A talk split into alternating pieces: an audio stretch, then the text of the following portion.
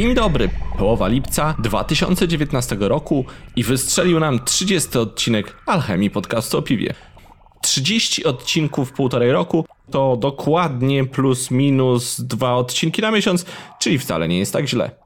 Mam nadzieję, że uda nam się nagrać kolejne 30, a może nawet jeszcze trochę więcej.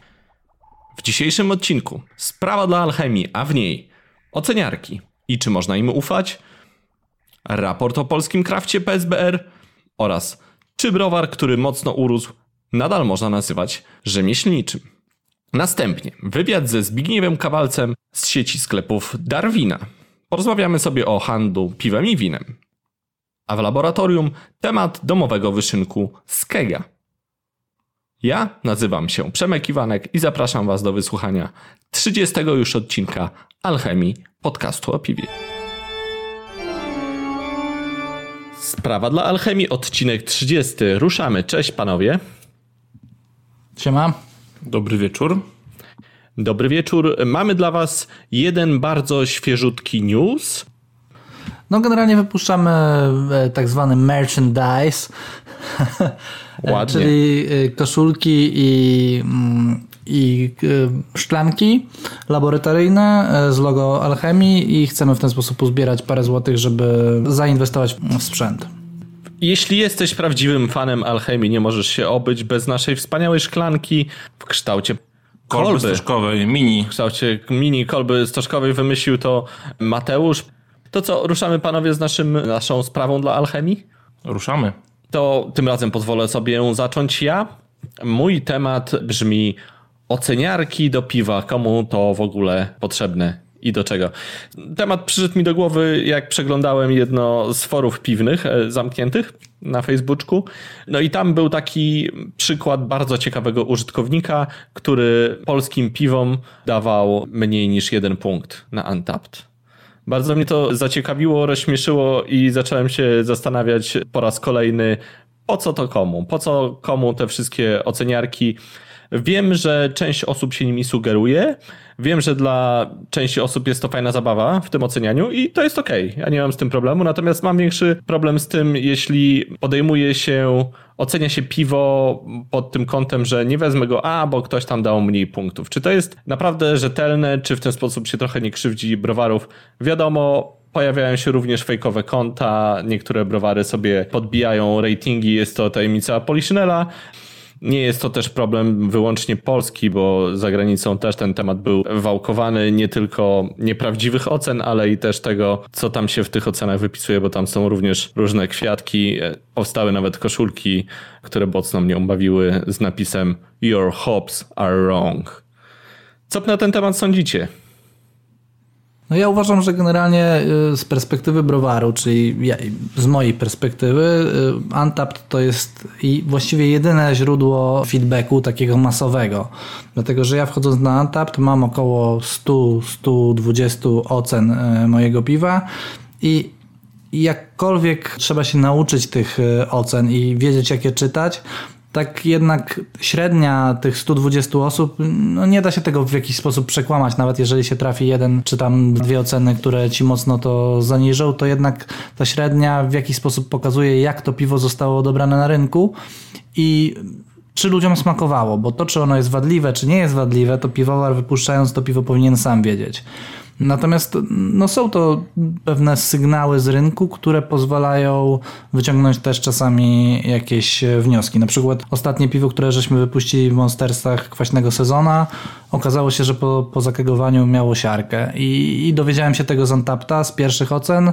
Pojechałem od razu, oceniłem do lokalu, e, do lokalu beczkę, poprosiłem resztę lokali, rzeczywiście ta, ta siarka była i poprosiłem resztę lokali, żeby przetrzymali troszeczkę piwo, żeby nie podłączali tego od razu na kranę u siebie i w jakiś sposób ta, ta siarka się zniwelowała i to piwo z tygodnia na tydzień było coraz lepsze i myślę, że w jakiś sposób dzięki temu Antaptowi uniknąłem takiej bardzo dużej kompromitacji, jeżeli chodzi o, o to piwo. Czyli jednak, czyli pozytywna relacja. Ja jak najbardziej tak. Ja uważam, że pozytywna. Zresztą średnia, te wszystkie średnie, jeżeli się wejdzie na na przykład na topkę polskich browarów na Antapcie, to jednak są po prostu topowe browary. Nie da się średniej 7 tysięcy, 15 tysięcy czy 30 tysięcy ludzi oszukać, tak? Po prostu ci, którzy są na górze, są najlepsi, bo najzwyczajniej w świecie. Ja chyba się tutaj zgodzę z Jankiem e, w tej kwestii, że po prostu statystyka nie kłamie. Im więcej jest tych ocen e, im, mm, dzięki, i dzięki temu mamy jakąś konkretną średnią, tym po prostu e, ten wynik jest, krótko mówiąc, uśredniony i mamy ciekawy feedback od rynku, jak to wygląda. Oczywiście zdarzają się takie historie, tak jak zajawił Przemek, że mm, niektórzy głosują negatywnie, albo niektórzy próbują co do stylu pewne piwa oceniać według deklaracji, którą podał producent. Jakby tutaj no, nie, nie ma złotego środka. Nigdy nie dojdziemy do idealnej sytuacji, jak chyba jak ze wszystkim, gdzie wszyscy będą zadowoleni, ale moim zdaniem dobrze, że, że one są, że mm, browary mogą sobie sprawdzić feedback, konsumenci mogą sprawdzić, co faktycznie jest dobrego na rynku, co inni polecają. E, no a poza tym można sobie na przykład sprawdzić w multitapach, jakie akurat piwa są podłączone na kranie. Okej, okay, no podłączone piwa na kranie spoko, na pewno to jest fajna informacja. Ja na Raidbirze wyszukiwałem na przykład miejsca, jeśli gdzieś się podróżuje, fajnie tam sobie sprawdzić, gdzie są jakieś puby albo browary, to jest bardzo fajna rzecz, polecam. Natomiast co do ocen, dalej mam pewną mm, taką niejasność. Rozumiem teorię wielkich liczb, która mówi o tym, że jak się odpowiednio dużo nazbiera, to ten wynik jednak jest statystycznie prawidłowy. Natomiast znam też przypadek e, oceniarki do wina, w której większość win jest ocenianych jako 3,5 w skali 5-stopniowej. Po prostu ludzie nie wiedzą co wpisać, a nie chcąc wpisać ani zbyt źle, ani zbyt dobrze, dają około 3,5 i skutek tego większość win ma jeden poziom. Także nie zawsze to działa.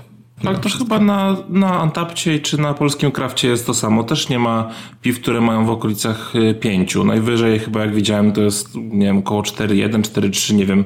Janku, jak ty y, ze swoimi piwami i ocenami? Nie no, powiedzmy, że ja jak czytam Antapta, piwo, które ma 3,5 to jest poprawne piwo, które ani nie jest wadliwe, ani nie oferuje czegoś ponad jakąś tam średnią, tak? Czyli rzeczywiście jest tak, że wszystko dąży do 3,5 i to jest jakaś tam średnia. Każde piwo, które ma powyżej tego, już w jakiś sposób się musi wyróżniać, żeby rzeczywiście taką średnią uzbierać. Piwo, które ma powyżej 4 jest najczęściej piwem wybitnym, co prawda też to trzeba mm, jakby troszeczkę filtrować i na przykład risy zawsze mają wyższe oceny niż cała, cała reszta piw. Po prostu ktoś, kto śledzi Antapta potrafi go też lepiej czytać. Myślę, że ludzie, którzy sugerują się wyborem piw przez Antapta, potrafią to czytać. To nie jest tak, że jakiś, jakaś osoba, która w ogóle nie korzysta z tego, nagle wchodzi na Antapta i sobie mm, postanawia jakieś piwo wypić. Ci, co się sugerują, wiedzą jak to czytać i, i wiedzą czym się sugerować. Przepraszam, czy jesteś antaperem? Ja nie oceniam piw, natomiast zbieram feedback. No to co, może się przekonam ja w takim razie idę oceniarek, póki co jestem lekko sceptyczny. Jaki kolejny temat? Mój temat chodzi o raport z działalności browarów zrzeszonych w Polskim Stowarzyszeniu Browarów Rzemieślniczych, czyli tak naprawdę dane od 24 członków, 11 z browarów jest, są to browary stacjonarne, 13 kontraktowe. Raport dotyczy 2018 roku i został przygotowany przez Karolinę i Kacpra z blogu Piwna Zwrotnica specjalnie dla PSBR-u. Możemy się innymi dowiedzieć, że te browary wypuściły 357 premier piwnych na 2013, które były w 2018 roku i z czego aż 20, 224 piwa są utrzymywane przez te browary w stałej ofercie. Także no, to jest też ciekawa informacja, że browary mają swoje ulubione, topowe piwa i jest ich całkiem sporo w portfolio, które po prostu regularnie powtarzają. Łącznie wyprodukowały one 68 tysięcy hektolitrów i dało to średnią na browar prawie 3000 hektolitrów. Prawie 90% piwa to e, górniaki, a około 10% dolnej fermentacji. Pod względem produkcji 2 trzecie to browary kontraktowe, tak jak już wspomniałem, a 13 stacjonarne.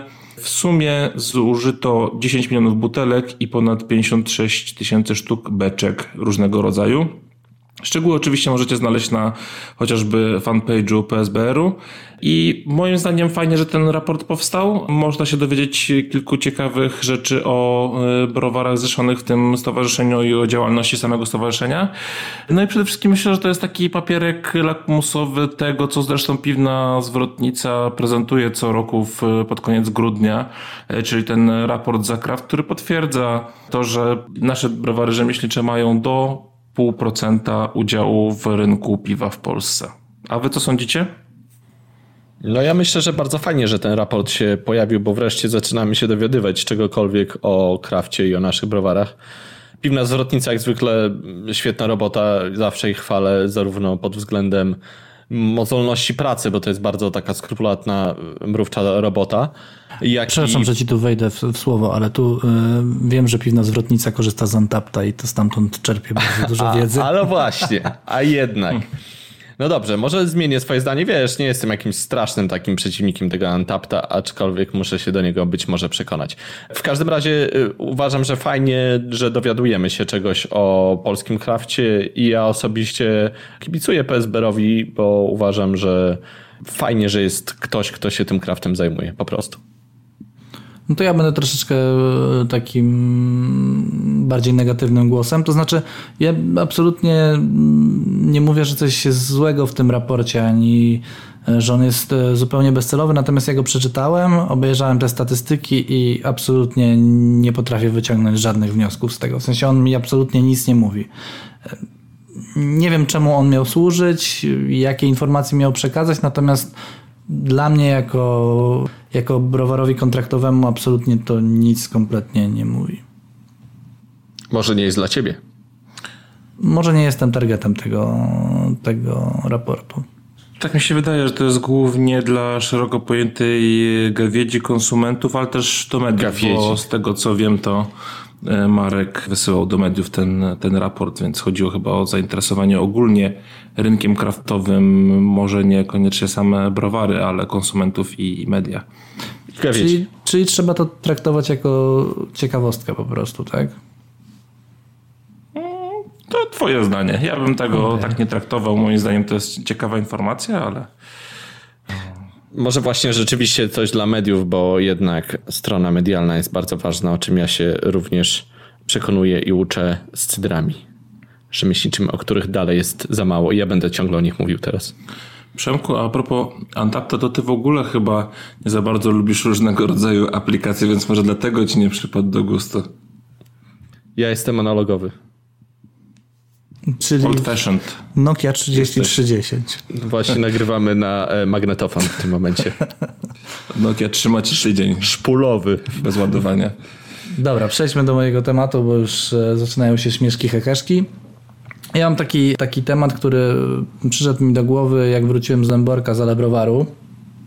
Mm, czyli e, ogólnie, ogólnie temat to jest skala produkcji. Natomiast chciałbym podejść do tego od tej strony, czy zwiększenie produkcji w browarze, zwiększenie całej skali produkcji wpływa jakoś na portfolio browaru. I zmierzam tu do tego, że mając duże zbiorniki, 90 hektolitrów, nie można sobie pozwolić w takim zbiorniku na uważanie czegoś, nie wiem, szalonego, czegoś wykręconego, czegoś e, rewolucyjnego. I zastanawiam się, czy browary decydując się na taki ruch, przechodząc na takie duże zbiorniki, przypadkiem nie odchodzą troszeczkę od, od, od, takiego, od takich początków całego kraftu. Od tak zwanego ducha kraftu, tak jak mówi Tomek Opera. No nie wiem, czy od ducha kraftu, bo to tam nie wiem, co to jest tak naprawdę duch kraftu, ale chodzi mi o to, że. Definicję jednak, trzeba stworzyć. Yy, tak, no bez definicji pewnie się tutaj dokładnie nie będzie się ciężko odnieść, tak? Ale jeżeli przyjąć, że kraft to jest coś rewolucyjnego, coś oprócz jakości ma, ma dawać konsumentowi jakieś nowości, jakieś rzeczy, których wcześniej na rynku nie było, to przy tak dużych zbiornikach nie da się tego zrobić. I czy przypadkiem, zwiększając skalę, browary nie narażają się na, na właśnie przejście do takiej szarej strefy między browarem rzemieślniczym a browarem regionalnym, czy nawet koncernem. Co wy o tym sądzicie? No ja mam taki materiał tutaj przesłany mi właśnie przez naszego słuchacza. Podpisał się jako mocny dekokt 13XD. To może wam w tym momencie puszczę. Nic tak człowieka nie wkurwi, jak to, że sąsiadowi rośnie. Nieważne, czy to moce produkcyjne, czy jęczmień na oko. Dostawili nowe tanki, Uuu, to już nie jest to co kiedyś. Nowa, większa warzelnia, sprzedawczyki, silosy na słód. Powinni tego zabronić. Stacja namnażania drożdży, idioci. Pasteryzator przepływowy, pff, komercha. Odtlenienie wody przed HGB. Ogólnie wszyscy powinni wrócić do epoki wiadra dziurkowanego i filtratora ze sraj rurki. Wtedy to był kraft, a nie tak jak teraz sprzedawczyki w sklepach. Karać to powinno się dekokcją albo dekapitacją. No, mocne to były słowa. To były mocne słowa. No tak, no ten użytkownik, nasz słuchacz wierny naprawdę y, bardzo pięknie podsumował tą sytuację. Bardzo mi się to podobało. A jeśli mam powiedzieć swoje zdanie, mm, no cóż, ja mam troszkę z tym zgryz, bo z jednej strony ja, jako że wywodzę się, zawsze to powtarzam, z przemysłu spożywczego, uważam, że w dużych rzeczach nie ma nic złego i uważam, że masowa produkcja też jest dobra, tylko po prostu my działamy w tej niemasowej i tą lubimy bardziej i to też jest spoko. Natomiast zastanawiam się, czy te nasze browary, o których mówisz 90 hekto, czy to jest na pewno dużo. Jeśli spojrzymy na to, co się dzieje w Stanach, to się okaże, że tam te browary rzemieślnicze, teraz mówię w łapkach, czasami mają dużo większe moce produkcyjne. Z drugiej strony rzeczywiście patrząc, miałem okazję widzieć nowy browar Pinty i rzeczywiście robi wrażenie, jest, jest naprawdę imponujący. Myślę sobie, że mm, nie sprawdzałem tego, ale mam wrażenie, że to już podpada pod średni browar, tak w ogóle. I pytanie, czy w tym można robić coś szalonego? No nie wiem. Myślę, że w 90, tak jak powiedziałeś, raczej nie będą robić szalonych rzeczy, raczej zostawią to do tych mniejszych zbiorniczków, które też tam są specjalnie po to. Większość produkcji również w krafcie nie będzie szalona. Tak mi się wydaje. Janku, a pytanie, czy tam są tylko 90 u nich w Lemborku? Nie, w Lemborku akurat są same 70. I to ja nie chciałbym też jakby kierować tego prosto do alebrowaru. Chodzi mi ogólnie rzecz biorąc. Jeżeli browar rzemieślniczy pozbawia się małego wybicia, to poniekąd trochę odchodzi od, od, od takich od kreowania generalnie, od kreowania trendów, od kreowania y, samego piwa w sobie, bo po prostu musisz ważyć to, co sprzedasz tak naprawdę, to, co sprzedasz w dużych ilościach, bo sprzedać jakiegoś piwa 20 hektolitrów jest można sprzedać każdego piwa tyle. Jak masz butelkę, to i pewnie 40 każdą wciśniesz. Natomiast 70 hektolitrów, no nie ma szans, żebyś sprzedał jakieś bardzo wykręcone piwo, po prostu nikt tego nie kupi. No. No widzisz, to też wszystko pewnie zależy od budżetu i od sprzętu, który zamawiasz, no bo chyba taką najbardziej, jak to powiedzieć, e, ergonomiczną opcją jest wybicie na ważelni takie same, jak, jak jakie są tanki. A przy różnego, różnej wielkości tanków e, musisz e, mieć na przykład mniejszą ważelnię i większe tanki zapełniać na dwa razy. A z drugiej strony też, no zobacz, no jeżeli masz potencjalnie, ja nie mówię, czy to jest możliwe w Polsce, ale jeżeli masz dobro, dobrze rozwiniętą dystrybucję, e, to nawet taka 70 czy 90 wykręcona sprzeda się, jeżeli nie w kegach, to głównie pewnie w butelkach. A może wydarzy się to, o czym ktoś już wspominał, czyli troszkę rozwarstwienie się kraftu na te browary, które będą mocno rosły i szły w kierunku tych średnich i one rzeczywiście może nie będą za bardzo kreować, a raczej odtwarzać e, klasykę, klasykę jeśli na przykład DDH można nazwać klasyką, ale powiedzmy bardziej ostrożne rzeczy i browary maleńkie, totalnie szalone, gdzie właściciel decyduje o wszystkim, a ten środek troszkę wyginie. Takie są prognozy ktoś ostatnio snuł. Może w tym jest jakaś myśl.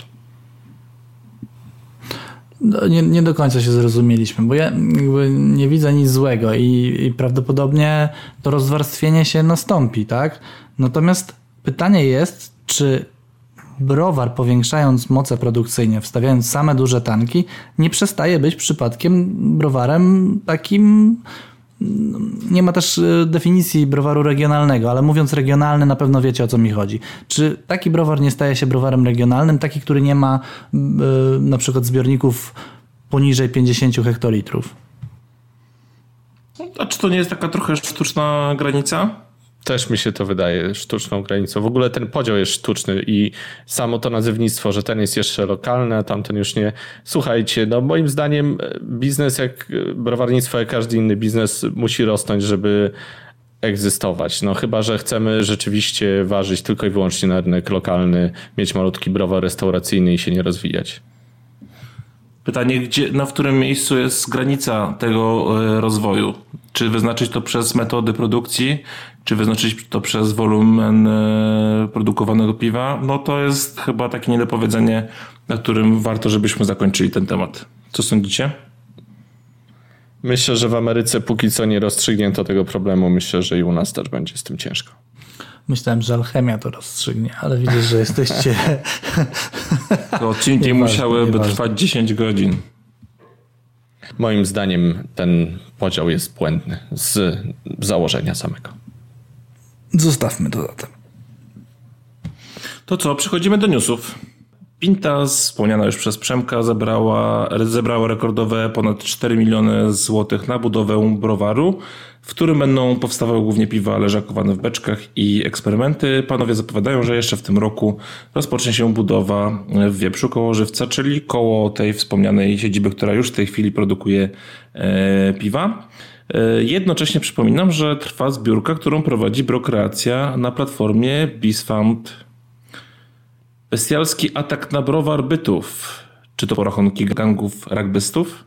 Jak podaje Radio Gdańsk, niezdani sprawcy wrzucili przez okno słoiki ze śmierdzącą substancją. Według bezpośrednich świadków była to siekierka i prawdopodobnie kwas masłowy. Właściciele wiążą to zdarzenie z krytyką, jaka spadła na firmę po ogłoszeniu, że browar sparł drużynę rugby Arka Rumia. Siekierka? Siekierka. Brudok informuje na swojej stronie, że rozpoczął sprzedaż udziałów w prowarze w Szkocji w kryptowalutach. Taki krok ma na celu wsparcie crowdfundingowego programu Equity for Punks. Coś dla Ciebie, Janku. Zakup akcji będzie możliwy do kwietnia 2020 roku. Można będzie kupić kryptoakcje.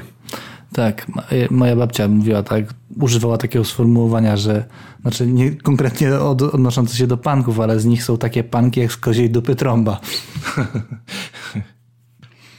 Jak donosi sputniknews.com, rosyjscy uczeni z Uralskiego Uniwersytetu Federalnego opracowali recepturę piwa, po którym nie ma kaca. Jak wyjaśniają, to za sprawą temperatury fermentacji oraz dodatków w postaci chlorelli i ekstraktu z korzenia kudzu. I tu ciekawostka, ponieważ korzeń kudzu od starożytności stosowany jest w chińskiej medycynie tradycyjnej w leczeniu m.in. alkoholizmu. Roślina zwiększa kilkukrotnie działanie alkoholu, przez co spożywamy, szybciej osiągamy stan upojenia, w wyniku czego wypija się mniej alkoholu i uwalnia się od porannego kaca. Czekam zatem na pierwsze krawciki polskie z kudzu. Może Janku u ciebie na warzelni? No raczej nie. No, ale to wspaniałe, że Rosjanie y, mają takie postępy w hamowaniu alkoholizmu. Wielki pożar za sprawą uderzenia pioruna w Kentucky. Spłynęło 45 tysięcy beczek whisky Jim Beam. A więcej informacji na wp.pl.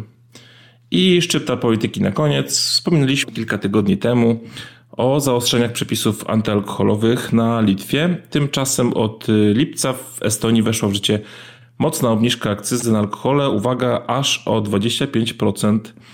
Władze kraju zdecydowały się e, na to, by zapobiec coraz popularniejszym wyjazdom Estończyków na zakupy do sąsiedniej Łotwy. Ten krok pozwoli wygenerować wpływy z akcyzy do budżetu o dodatkowe 3 miliony euro przez 4 lata, wobec tegorocznego spadku o 12 milionów euro. Czyli spora różnica i krok y, naprzód, żeby zyskać, a nie stracić oczywiście pieniążki. Więcej na nextgazeta.pl. Imprezy, puby i urodziny.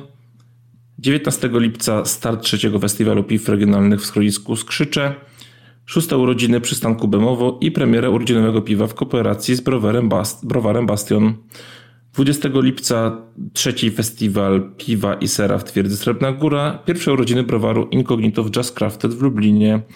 23 lipca biegiem po piwo Volume 6 w e, Łodzi. 25 lipca Bieszczacki Festiwal Piwa w Karczmie e, mm, z Kupru Naleśnego koło Cisnej. 26 lipca 23 urodziny Warszawskiej Gorączki Złota oraz start Street Beer Festiwalu w Łodzi. 27 lipca Festiwal 2 albo do kwadratu w Berlinie, więc jeżeli mieszkacie gdzieś blisko albo może będziecie planowali, to polecam. 31 lipca piwna fiesta na ulicy Parkingowej, podejście numer 3. Ciekawy jestem, bo wydarzenie wisi na Facebooku. 2 sierpnia Craft Beer Fiesta w Gdańsku, 3 sierpnia Pinta Party we Wrocławiu oraz Święto, Świętowarmińskiego Piwowara w Dewitach koło Olsztyna, a 16 sierpnia start kaliskiego pikniku piwnego organizowanego przez Piana Craft Beers. Konkursy piw. 2-3 sierpnia 7 Warmiński KPD w Olsztynie, 3 sierpnia 1 Raciborski KPD w Browarze Racibórz i 30-31 sierpnia 8 Międzynarodowy Cieszyński KPD w Cieszynie. I mamy też zapowiedź konkursu Good Beer dla browarów komercyjnych. Odbędzie się 9 października w Lublinie. Więcej informacji znajdziecie na goodcontest.pl. I to wszystko ode mnie. Jeżeli mielibyście jakieś e, newsy, informacje, to koniecznie napiszcie na alchemiapodcast.gmail.com Dziękuję bardzo. A teraz przejdźmy do wywiadu ze Zbigniewem Kawalcem, menedżerem odpowiedzialnym za rozwój sieci sklepów z alkoholem Darwina. Posłuchajcie. Jestem w sklepie Darwina na ulicy Obrzeźnej. Czy to jest jeszcze Mordor, czy to już koniec Mordoru? To jest E, można powiedzieć Rubikon Mordoru. Znaczy to jest Rubikon miejsce, które e, oddziela Mordor mieszkalny od Mordoru biurowego. Więc e, nawet wewnątrz firmy nazywamy nasz sklep tutaj na Mokotowie tym przemysłowym Mordorem. Ale tak, czujemy się częścią Mordoru już od jakiegoś czasu. Siedzi naprzeciwko mnie człowiek, który jest znanym komentatorem rynku wina o wyrazistych poglądach i języku ostrym niczym zęby pirani, czyli Zbigniew Kawalec. Cześć Zbyszku. Cześć. Miło Cię gościć. Mi jest również bardzo miło. Będziemy rozmawiali sobie troszkę o piwie i o winie, jako że te rynki wydaje mi się czasem mają więcej wspólnego niż większość osób sądzi, a są jednak mocno oddzielone. W darze wina są piwa rzemieślnicze od niedawna. Tak. I jak ty w ogóle postrzegasz fenomen tych piw rzemieślniczych? Może najpierw zacznę od historii, skąd się wzięły piwa w sklepach winiarskich. Do tej pory, e, a w zasadzie do stycznia tego roku, unikaliśmy piwa jak ognia, dlatego że piwo jednak społecznie jest postrzegane, chociaż to się zmienia, ewoluuje. Piwo jest, było postrzegane jako taki produkt jednak z niższej półki, jako produkt napój dla ludu. Plebejski. Plebejski, Nie tak. bójmy się tego słowa. Zgadza się. A wino natomiast jest takim produktem, który, którego tak naprawdę nie da się kupić za 5 zł, nie da się e, otworzyć w bramie i wypić e, z kolegami. Wymaga jakiegoś takiego anturażu, kulturalnego spożywania. E, same na, na, nawet kieliszki, jak gdyby, sposób picia wymusza na człowieku, na konsumencie żeby usiąść do stołu, poczęstować gości dobrym e, jedzeniem, dobrym e, winem, więc e, unikaliśmy piwa.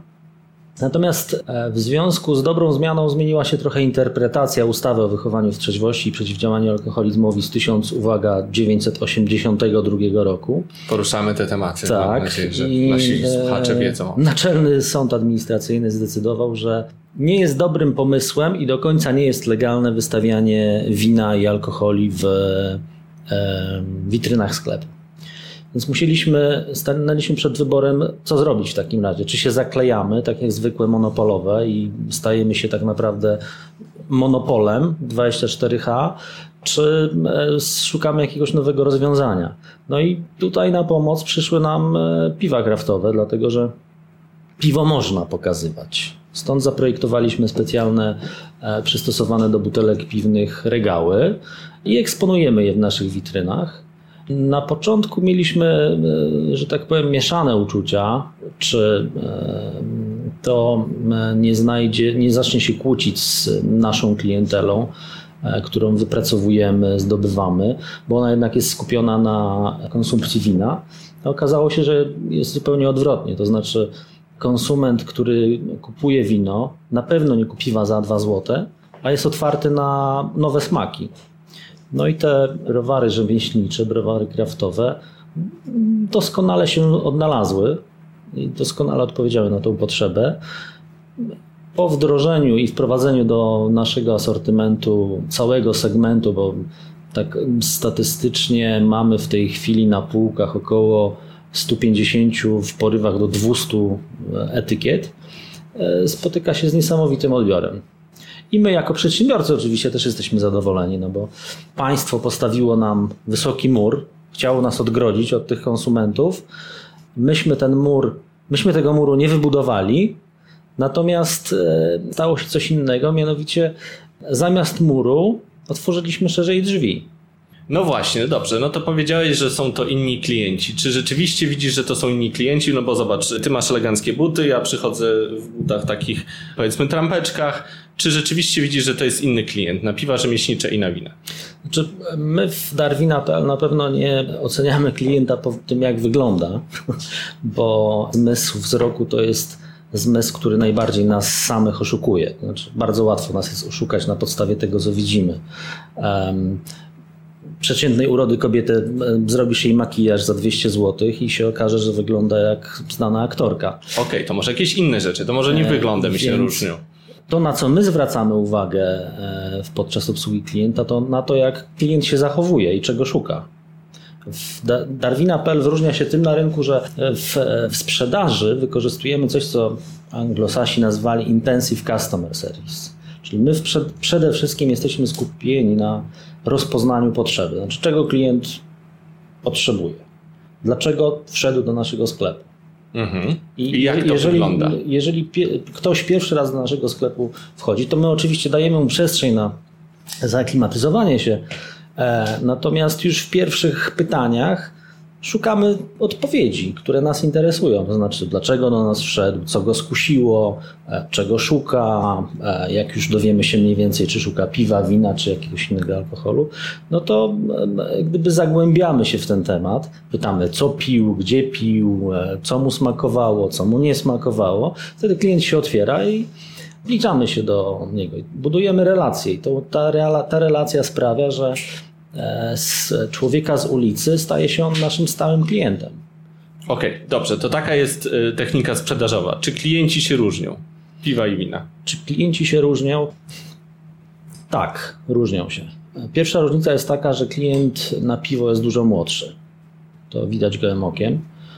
Chyba z wiekiem człowiek człowiekowi, w szczególności mówię o mężczyznach, bo sam jestem mężczyzną, spada trochę ilość testosteronu we krwi i e, raczej woli na spokojnie kontestować przy butelce wina niż na szybko gdzieś tam z kolegami przed imprezą pić win, piwo. Kultura picia piwa na pewno jest trochę inna niż e, kultura picia wina. Różnica między innymi jest taka, że do piwa niekoniecznie trzeba coś jeść, prawda? No, a, wino, a wino już, już jak się odkorkowuje, to od razu człowiek myśli, a co by tutaj do tego wina dobrać? Natomiast piwo jest takim napojem, po pierwsze jest niskoalkoholowe, więc można go wypić trochę więcej niż wina, e, a po drugie łatwo się je pije. I wydaje mi się, że jak człowiek jest młody e, i świadomy siebie, to bardzo szybko zauważa, że te komercyjne piwa są nieciekawe. Znaczy, wchodzi się do takiego supermarketu, w każdym sklepie widzi się to samo, e, a ktoś, kto szuka, szuka, zadaje sobie trudne pytania i szuka właściwych odpowiedzi, też jak gdyby podprogowo rozwija się wielopłaszczyznowo i szuka na przykład nowych smaków. I ci ludzie, którzy do nas trafiają, to oczywiście sobie zdaję sprawę z tego, że my żyjemy trochę w takiej bańce, którą tworzą nasi klienci, bo jak gdyby aparycja naszych sklepów wymusza, że przysłowiowy Sebix czy dresiarz nie wchodzi do naszego sklepu. Chcesz powiedzieć, że jest elegancki po prostu? Jest elegancki nie tyle e, w aparycji, co... Żeby sklepy są powiedzmy bardziej znaczy, niż tak, no, sklepy są eleganckie, ale ten konsument, który do nas przychodzi, to jest konsument poszukujący. To nie jest ktoś, kto zastał swoje życie i chce je przeżyć. To jest ktoś, kto szuka.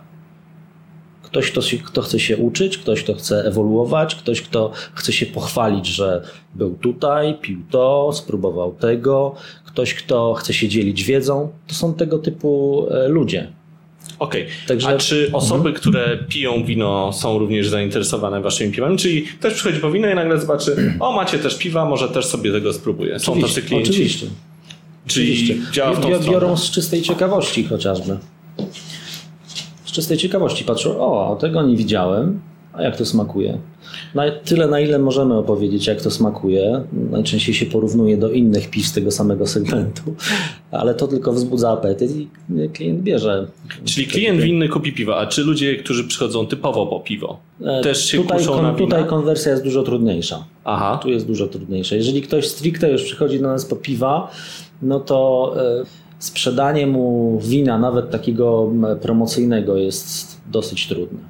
A inne alkohole, bo są też inne alkohole, na przykład nie wiem, whisky. Piwo i whisky to są takie Tak. naturalna baza z jęczmienia, prawda? Gdzieś to się łączy. Często ludzie od piwa sięgają po whisky. Widać to w sklepach? Czy Nawet niekoniecznie? ci, którzy nie wiedzą, że, że jak gdyby te dwa produkty powstają z tego samego, to, to po ich koszyku zakupowym widać, że tak jest.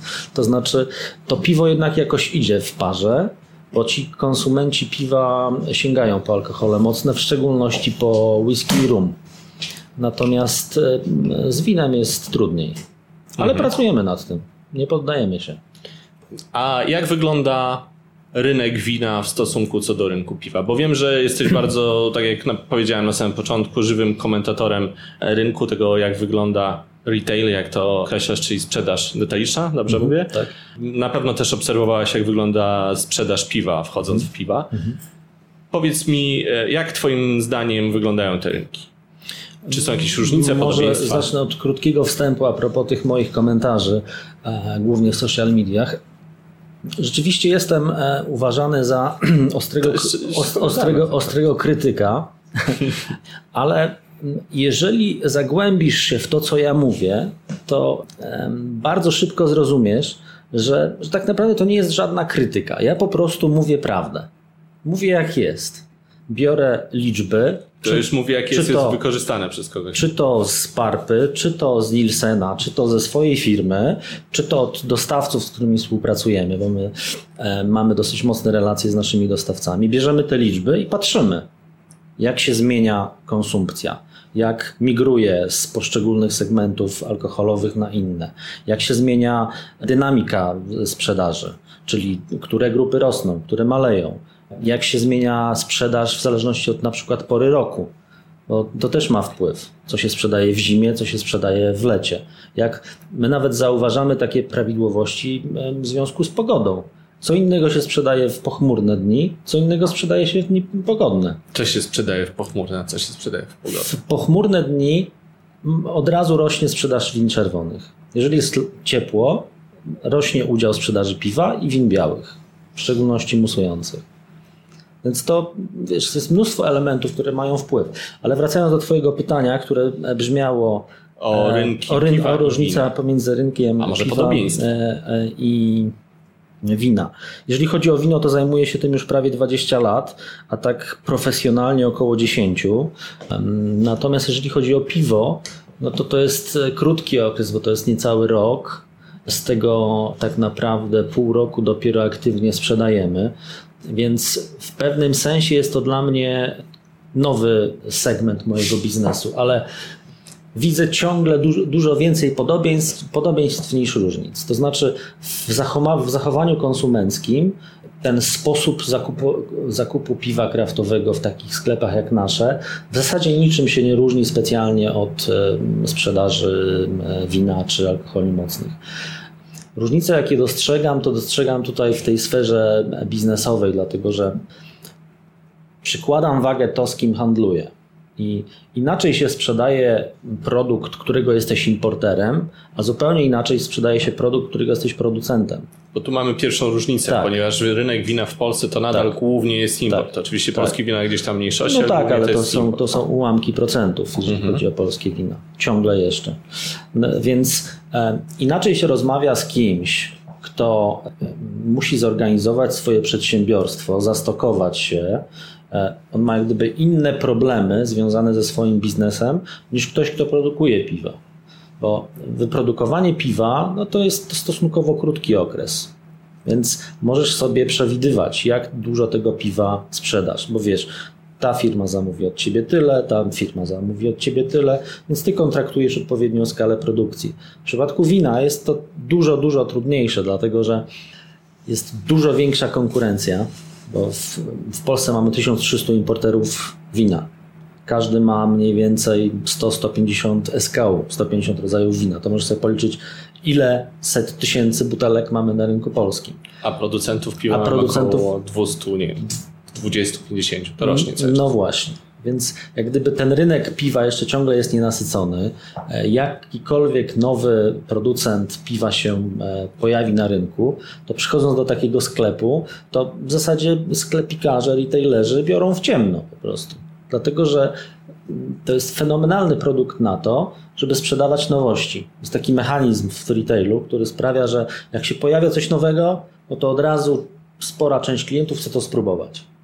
Więc te nowe browary, które powstają, jest im łatwo wejść w retail. Jeszcze, dopóki ta konkurencja nie będzie tak wysoka, jak jest wysoka na poziomie wina czy alkoholi mocnych.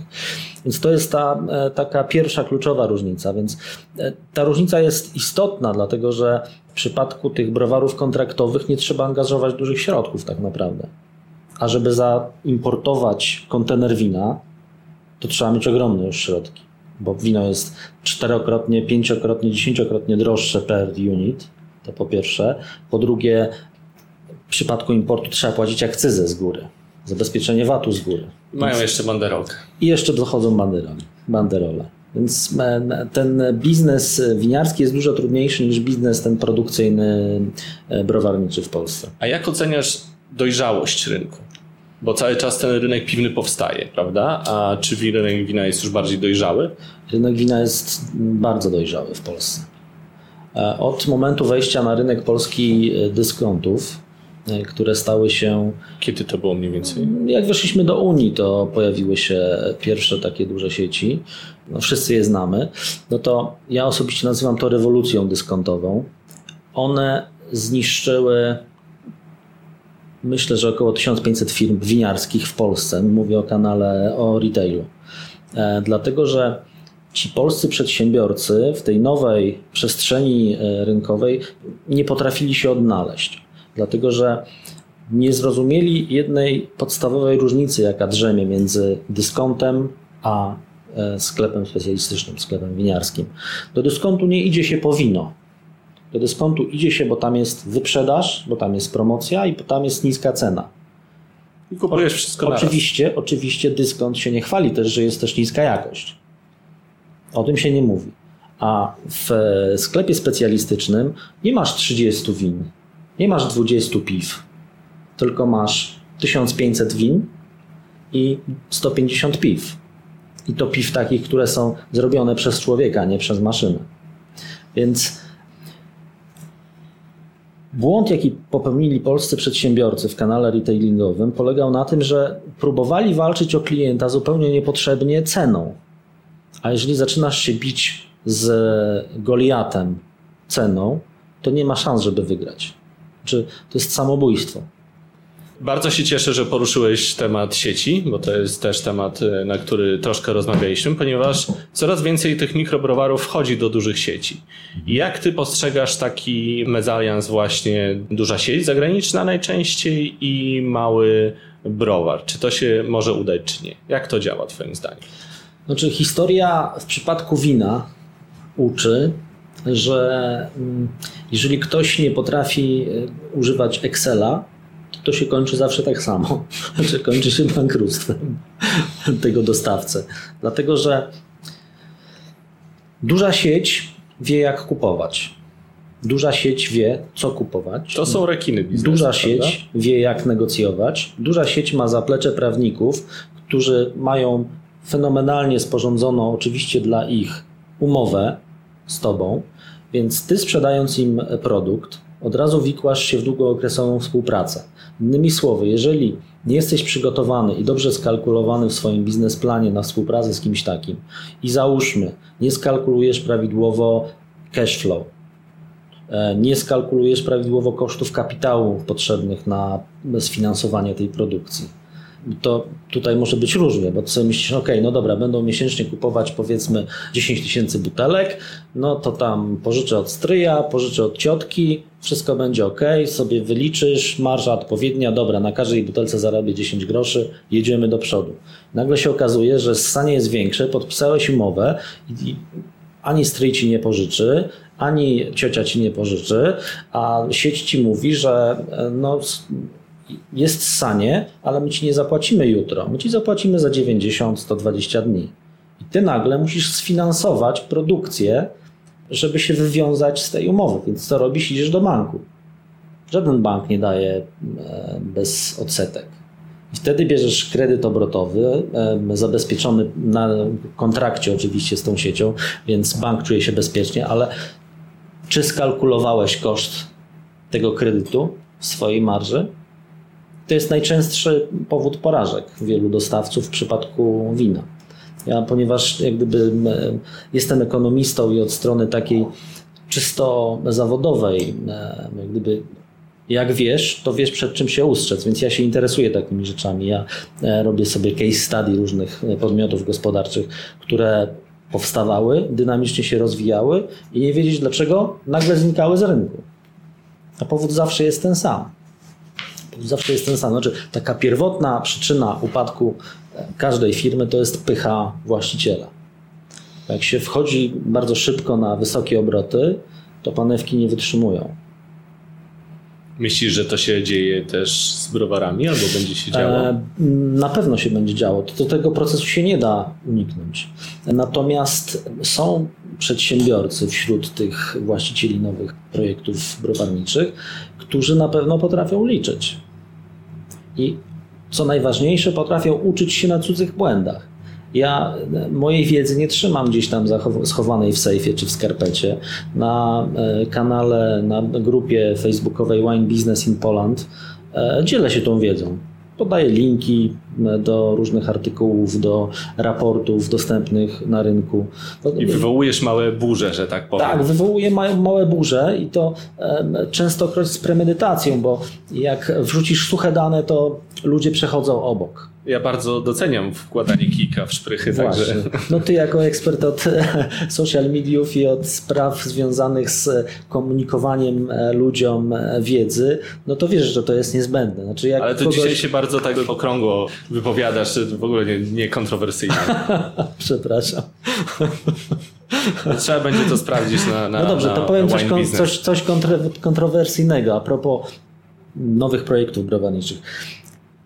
E, napisałem taki artykuł na blogu darwina.pl, dlaczego znane marki są tanie w supermarketach i dyskontach. E, wszystkim właścicielom firm, które prowadzą biznes w naszej branży, uważam, że powinni przeczytać i wziąć sobie głęboko do serca ten artykuł.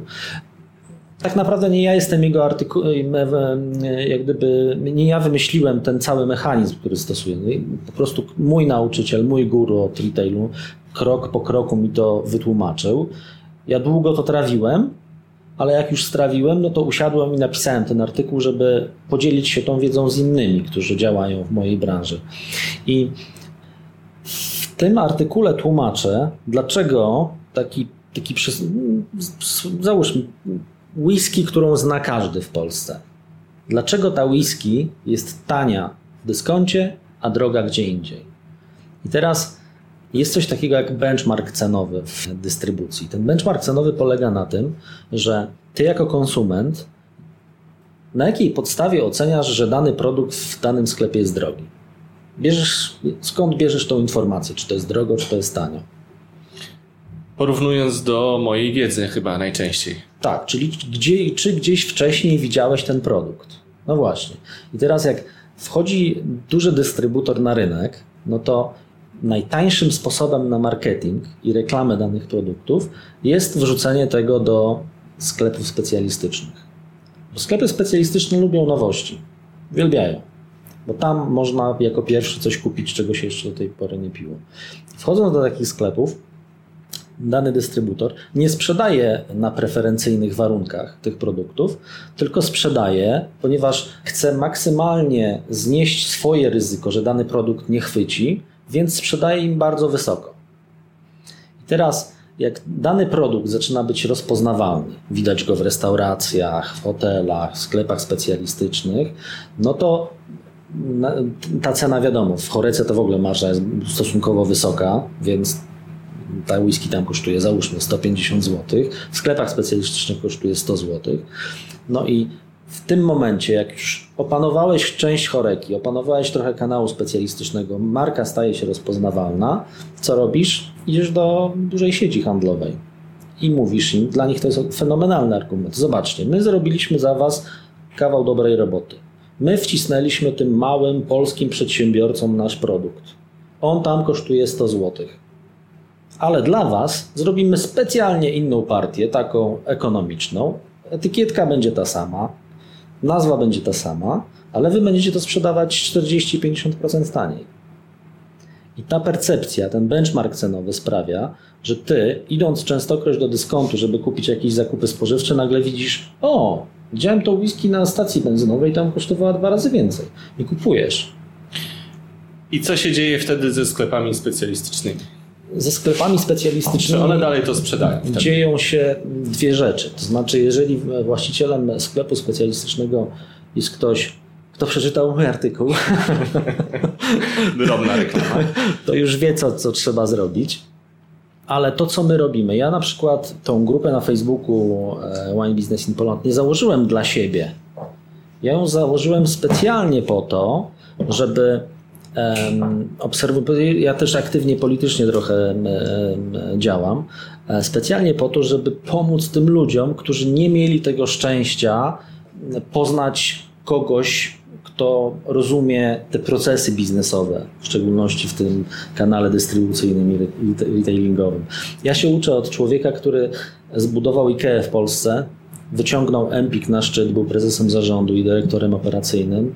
Człowiekiem, który pracuje dla dużego funduszu inwestycyjnego, bardzo rozpoznawalna marka. Człowiekiem, który jest profesorem na Akademii Koźmińskiego na poziomie MBA i wykłada zarządzanie. Człowiekiem, który napisał cztery najważniejsze książki o retailu i dystrybucji Muszę zdrać mi już jego imię. pan Andrzej Mrugała. I ja niczego nowego nie wymyślam. Oczywiście no, mogę sobie wymyśleć, czy dana półka będzie miała 39 cm szerokości, czy 48, e, ale tutaj nie ma żadnej wartości dodanej handlowej. Natomiast ta moja wiedza, którą ja od niego pozyskuję, jest po pierwsze wiedzą skuteczną, po, po drugie, wiedzą praktyczną. To jest najważniejsze, że, że to on nie siedział sobie gdzieś tam pod drzewem jak Newton, nic mu na głowę nie spadło, a być może spadło i wymyślił, wow, to tak to zróbmy, tak to będzie działać. Nie, ta cała jego wiedza, która jak gdyby spływa e, na mnie, wzięła się z tego, że mm, 25 lat pracował w firmach dystrybucyjnych, w firmach detalicznych i obserwował, które procesy działają, które nie działają.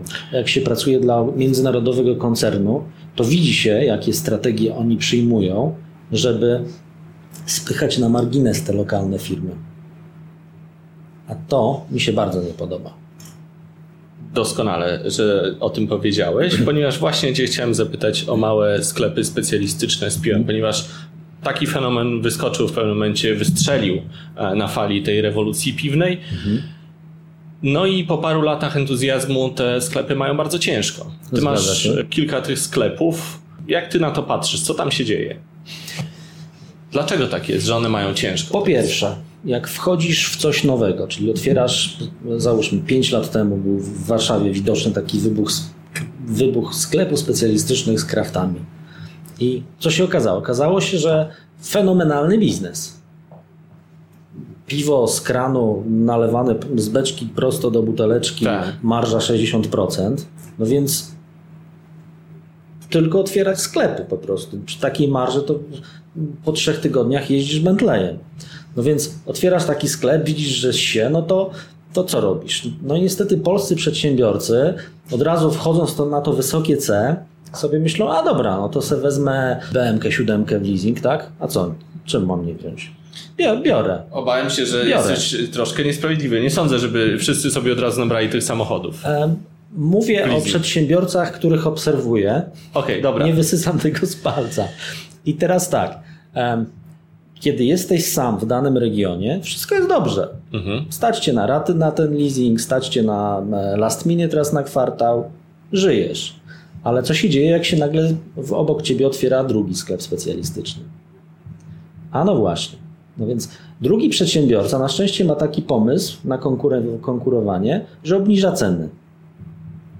Ty sobie myślisz, wow, ja tu jestem pół roku, a tu przychodzi jakiś kazik i mi obniża ceny.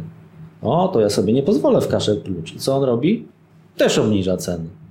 Nagle pojawia się trzeci, czwarty, schodzą z tej marży, częstokroć zupełnie niepotrzebnie i okazuje się, że tej marży w ogóle na nic nie wystarcza. I powolutku te sklepiki zaczynają się zamykać. Natomiast zapominają ci właściciele tych biznesów, żeby walczyć o klienta. Bo tu trzeba walczyć o klienta, trzeba się bić o tego, kto to piwo pije, a nie bić z tym, kto otwiera sklep obok. A może trzeba się też z marketem teraz bić? Oczywiście, że nie. Nie? Nie. Nie. Nie. Zobacz, my jesteśmy na początku tej fali, tej rewolucji piwnej. To, co u nas się w tej chwili zaczyna, to jest dopiero początek. To, że wydaje się, że wow, nagle się tego wszystkiego tyle pokazało, to nie znaczy, że to już jest koniec. Więc te specjalistyczne sklepy piwne z piwami rzemieślniczymi powinny po pierwsze, co robić? Po pierwsze zadbać o to, żeby ich sklepy wyglądały. Bo wiesz, 5 lat temu, jak to, to się zaczęło dziać, no to tam ktoś otworzył jakąś budę, wiesz, e, postawił kasę i, i szło. Ale klient nie chce dzisiaj robić zakupów w obskurnym sklepie. Możemy sobie za chwilę zrobić wycieczkę po dwóch czy trzech sklepach takich. Zobaczysz, jak to wygląda. No to, to w ogóle aż trudno uwierzyć, że można dopuścić sklep do takiego zapyzienia. Zwłaszcza, że się sprzedaje coś drugiego. Prawda? Nie sprzedajesz jakiegoś tam komercyjnego piwa za złoty 99, tylko sprzedajesz fajnego krafta za 9,99, za 15,99, więc trzeba to umieć podać. Trzeba pokazać, że masz odpowiednią lodówkę z odpowiednią temperaturą, że w sklepie masz, nie masz stricte jakichś mocnych halogenów, które podnoszą ci temperaturę piwa do 35 stopni. Trzeba o to wszystko zadbać. To klient widzi. Nawet jak nie widzi tego świadomie, to odczuwa to podprogowo. Te komunikaty docierają. Trzeba zadbać o człowieka, który to piwo sprzedaje. To nie może być but, który jest kasjerem. Tutaj trzeba zatrudnić sprzedawcę, kogoś, kto po pierwsze lubi ten produkt, sam jest fanatykiem, szuka nowych smaków, interesuje się, wie czym się różni IPA od IPy, od APA od IPy, tak? Czym się różni. Okej, okay, Zbyszku, ale może nie wystarcza na to środków, może nie generuje takiego ruchu piwo, żeby na tym zarobić. Bo może tu jest ten problem, bo wiesz, takie były podnoszone głosy, że na samym piwie nie da się zarobić. Może jak tam sprzedajesz małpki, to wtedy się da, a wiesz, na samym piwie to nie da rady. Znaczy, dokładnie te same historie słyszałem, że na samym winie się nie da zarobić. Dokładnie te same śpiewki. A tak naprawdę to my, gdybyśmy sprzedawali durszlaki, to pewnie też byśmy na tym zarabiali. Bo to chodzi o klienta, to klient jest najważniejszy. W każdej firmie, jeżeli się zapomina o kliencie, że on przekraczając próg Twojego sklepu, jak będzie z niego wychodził, ma się czuć lepiej, jeżeli nie stosujesz się do tej zasady, to znikasz z rynku. Lata 90. się skończyły, gdzie popyt przewyższał podaż i mogłeś mieć, przepraszam za kolokwializm, wywalone na tego klienta. Żyjemy w konkurencyjnej gospodarce, gdzie podaż przewyższa popyt, więc i co jest błogosławieństwem moim zdaniem dla konsumentów, bo to my, przedsiębiorcy, sklepikarze, dystrybutorzy, musimy się bić o tego klienta. Więc kluczowym jest to, żeby zatrudnić takiego człowieka, wyszkolić go, co jeszcze ważne, dać mu odpowiednie pieniądze za tą pracę. Bo za 2000 nie zatrudnisz człowieka, który będzie ci dobrze sprzedawał piwo. Szanujmy się, no, w dwumilionowym mieście nie da się przeżyć za 2000, a są tacy przedsiębiorcy, którzy tak uważają. Chciałbyś zarabiać 2000? No właśnie. Ile ci sprzeda piwa, dobrego piwa, człowiek, który się morduje przez 200 godzin w miesiącu za 2000? Ale jak go zmotywujesz, dasz mu pewność, że on zarobi te 4-4,5 tysiąca, to jemu się będzie chciało. Mało tego, on z własnych pieniędzy jeszcze będzie sobie robił prywatne degustacje, żeby wiedzieć, co sprzedaje. Nie będziesz mu nawet musiał dawać gratisów czy dystrybutor, bo już go stać, bo on czuje się wolnym człowiekiem. Zbyszku, to jest na pewno bardzo ważne, nie wątpię, natomiast jednak troszkę gryzie mnie kwestia, którą wypowiedziałeś, to znaczy, że nie trzeba konkurować z marketami. No właśnie, no i to jest taka kwestia, którą ja chętnie podnoszę, bo sam się tym troszkę interesowałem, zresztą wywoływał ten temat też pewne kontrowersje.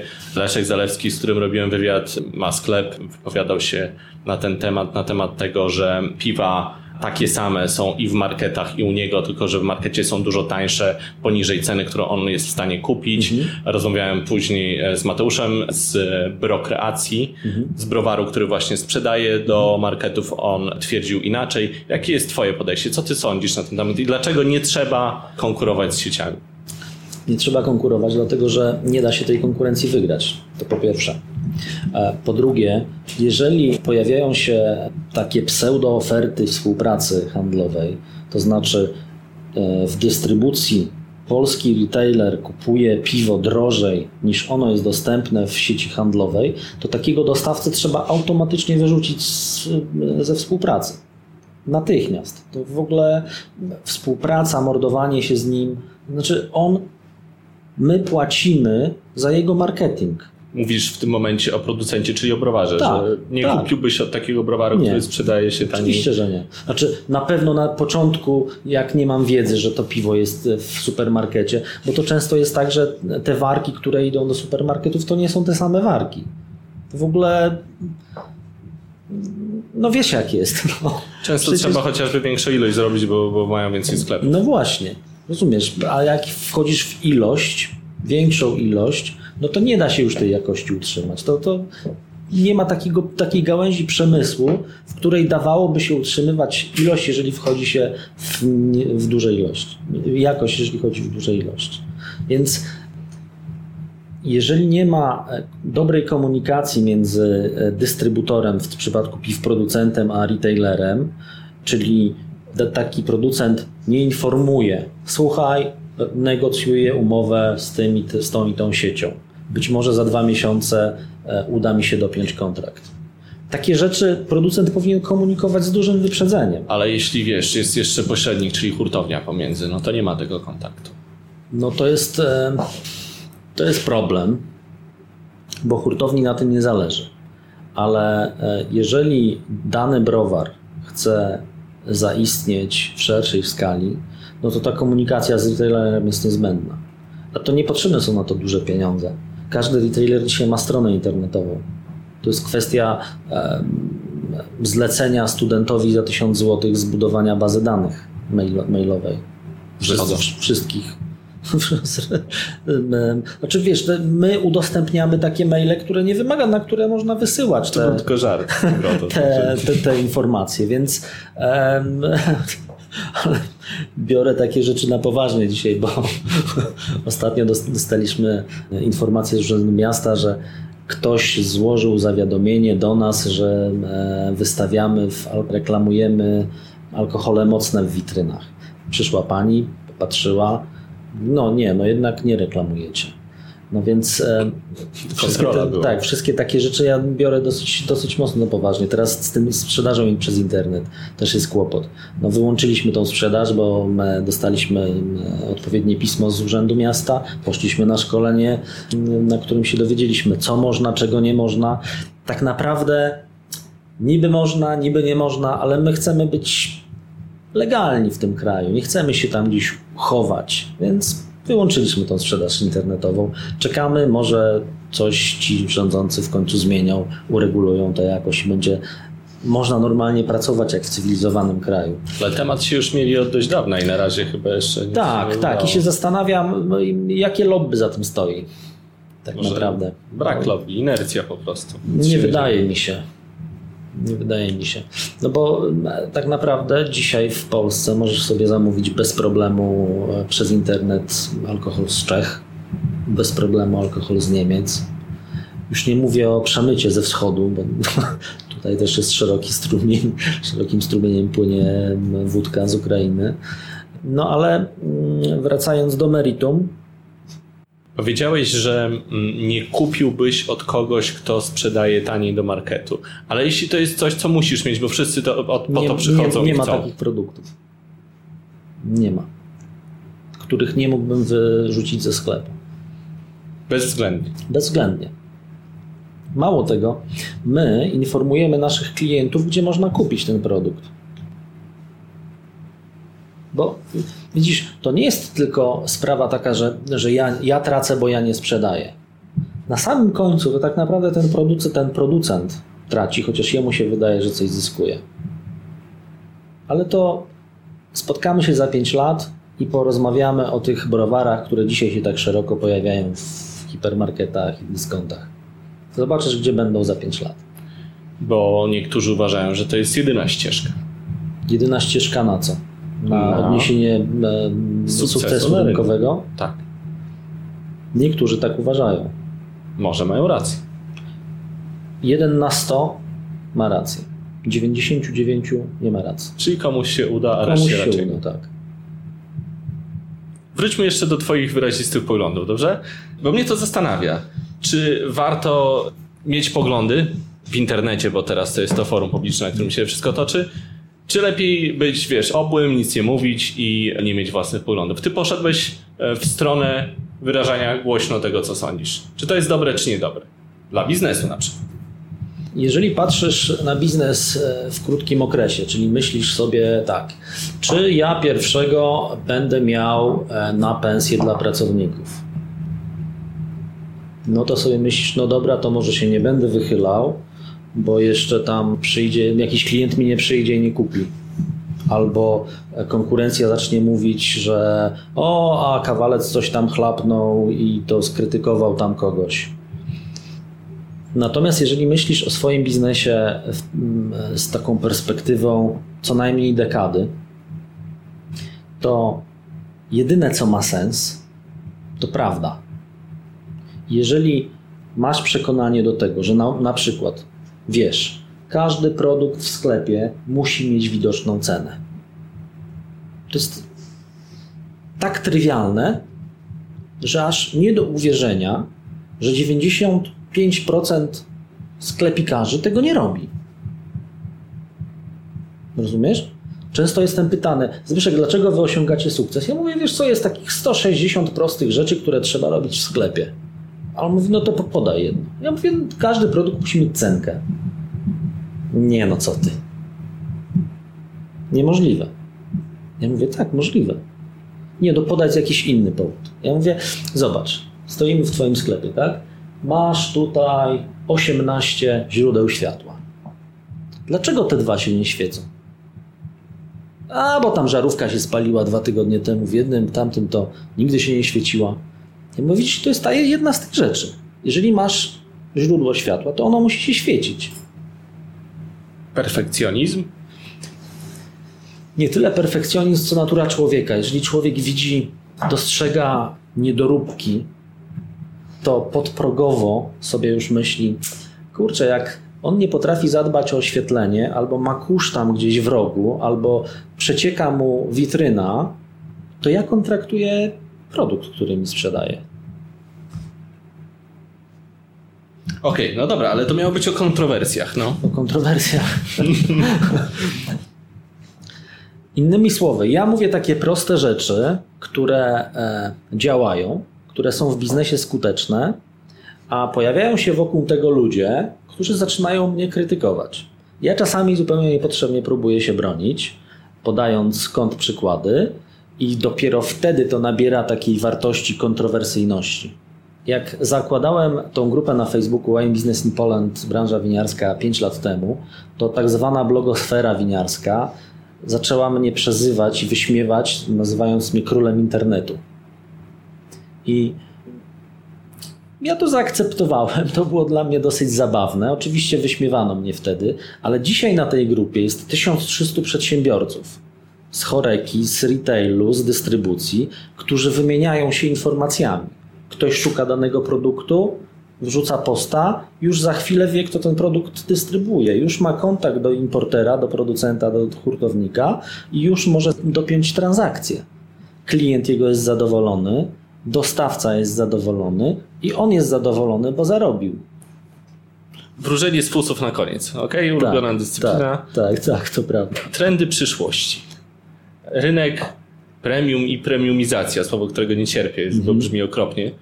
widać to już chyba, prawda? Też mocne są alkohole bezalkoholowe, alkohole Mhm. bezalkoholowe, napoje bezalkoholowe. Piwo bezalkoholowe ma się bardzo dobrze, nie wiem jak jest z winem. Mhm. Też ma się bardzo dobrze. Też ma się bardzo dobrze. Sądzisz, że to się będzie rozwijać? segment Może jakieś, rosnący. może jakieś inne jeszcze trendy? Coś mi powiesz ciekawego w tym temacie? Wiesz co, no tak jak powiedziałeś, we wróżkę nie chcę się bawić. E, zastanawiam się, co jeszcze można wymyśleć, prawda? Bo e, brokat został wymyślony. Niebieskie wino. Niebieskie, różowe, zielone, pomarańczowe. Wina bezalkoholowe zostały wymyślone. Nie ma czegoś takiego jeszcze w Polsce, co w Skandynawii występuje. Wina e, niskoalkoholowe. Tam są takie wina między 2,5 a 5%. W Polsce jeszcze tego nie ma, a być może przyjdzie i być może to jest fajny pomysł, żeby coś takiego się pojawiło, bo często jest tak, że idziesz z kimś na lunch, napiłbyś się wina, ale nie bierzesz tej lampki, bo- no to jednak te 14% ma, więc nie wiesz, czy za te pół godziny będziesz mógł jechać, czy nie. A gdyby było Odpowiedź dla siebie, cydr. Cydr. Tak, tylko cydr, cydr jest czymś takim pomiędzy piwem a winem. To jest chyba problem, E, co? To jest problem, bo to jest takie in the middle of nowhere. E, Ciężko to jakoś tak, wiesz, sobie ułożyć w tej swojej percepcji alkoholi. Fenomenalną furorę robi to na Wyspach w Wielkiej Brytanii. Cydr jest niesamowitą tam pozycją sprzedażową. Tam od zawsze jest tradycyjne. Tak, ale w Polsce jakoś tak po tym pierwszym boomie to wszystko tak osłabło i w sumie nie wiem dlaczego, bo ja osobiście nawet lubię cydr, w szczególności jest gorąco. Ale wracając do Twojego pytania, co mogłoby jeszcze się pojawić na rynku? Ciężko mi jest wywróżyć, naprawdę. A widzisz, że coś może będzie się działo? Że może właśnie te bezalkoholowe jeszcze bardziej? Znaczy, odkąd się pojawiły bezalkoholowe, to w statystykach naszej firmy widzimy, że ta sprzedaż rośnie. Kobiety w ciąży, kobiety karmiące e, coraz częściej mają większą odwagę, żeby po to sięgać. Kierowcy to tak umiarkowanie. Kierowcy, którzy tam planują gdzieś się zatrzymać, to jednak biorą, biorą piwo bezalkoholowe. Ale to wino bezalkoholowe, no z wielu powodów, na przykład ludzie, którzy cierpią na różne jakieś choroby, przez które nie mogą pić alkoholu, sięgają po wino. E, Jakieś rumy bezalkoholowe? Jakość, słucham? Rumy bezalkoholowe, wódka bezalkoholowa. Są takie rzeczy, wiesz. Są takie rzeczy. Zarówno producenci, jak i konsumenci eksperymentują, ale ja patrzę na to mocno z przymrużeniem oka, no bo wódka bezalkoholowa, hello. Ale ludzie to kupują, bo jest ciekawe. Tak, oczywiście, oczywiście, ale to wiesz, kupisz raz i chcesz o tym zapomnieć. No, tak to działa. Więc te, ci eksperci od marketingu oczywiście wiedzą, że te, te, to takie wejście na rynek z czymś nowym sprawia, że no te kilka milionów, miliard ludzi raz to kupi. Więc warto z tym wejść. No ale potem to znika, no, się rozpływa, bo Czyli jednak moda. A sądzisz, że kraft piwa rzemieślnicze to jest coś więcej niż moda? Nie sądzę, że to jest tylko moda. Uważam, że społeczeństwo dzieliło się, dzieli się i zawsze się będzie dzielić. Będzie się dzielić na tą grupę, która aspiruje i szuka nowych rzeczy, i na tą grupę, która chce przeżyć życie. I ta grupa aspirująca zawsze będzie szukać nowych smaków, zawsze będzie szukała eksperymentów, zawsze będzie chciała czegoś więcej. Więc ci producenci e, piw rzemieślniczych, którzy też szukają nowych rzeczy, zawsze znajdą klienta. W kanale specjalistycznym w szczególności. Także odpowiadając na Twoje pytanie, to nie jest moda, to jest krystalizowanie się tego segmentu alkoholowego. Moje ostatnie pytanie. Czego mogę Ci życzyć? Czego możesz mi życzyć? Hmm. W zasadzie zrealizowałem wszystkie moje marzenia, jakie miałem w młodości. Zostało mi się jedno. Chciałbym zbudować największą firmę w kanale specjalistycznym winiarską w Europie. W ciągu trzech lat chcemy otworzyć 50 sklepów w Polsce, głównie w Warszawie. Szukamy franczyzobiorców w miastach powyżej 60 tysięcy w Polsce już, bo jesteśmy gotowi do franczyzy, ale myślimy też o ekspansji zagranicznej, ale to już jest perspektywa 5-10 lat. No i chcemy zbudować największy e-commerce w Polsce. Już mamy, jesteśmy w pierwszej czwórce najczęściej odwiedzanych stron internetowych w tym kraju. Mimo tych problemów. Mimo tych problemów, tak, ale to, że nie, moż, nie możemy i nie wysyłamy, nie zmienia samego faktu, że chcemy istnieć w internecie, że chcemy dostarczać wartościową informację klientowi.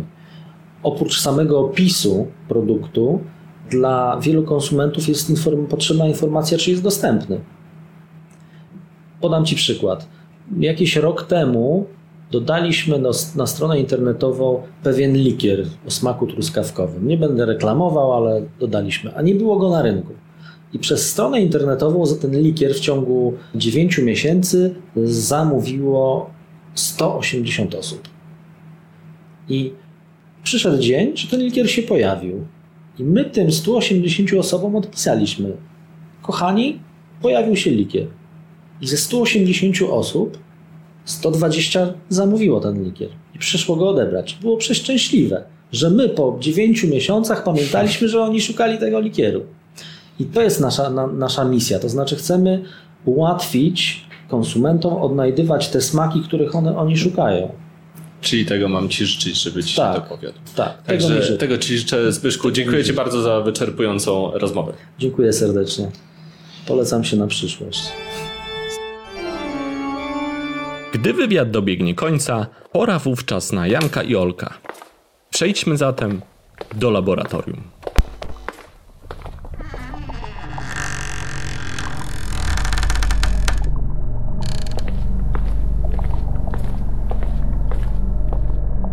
Siemanko, witamy w naszej kuchni.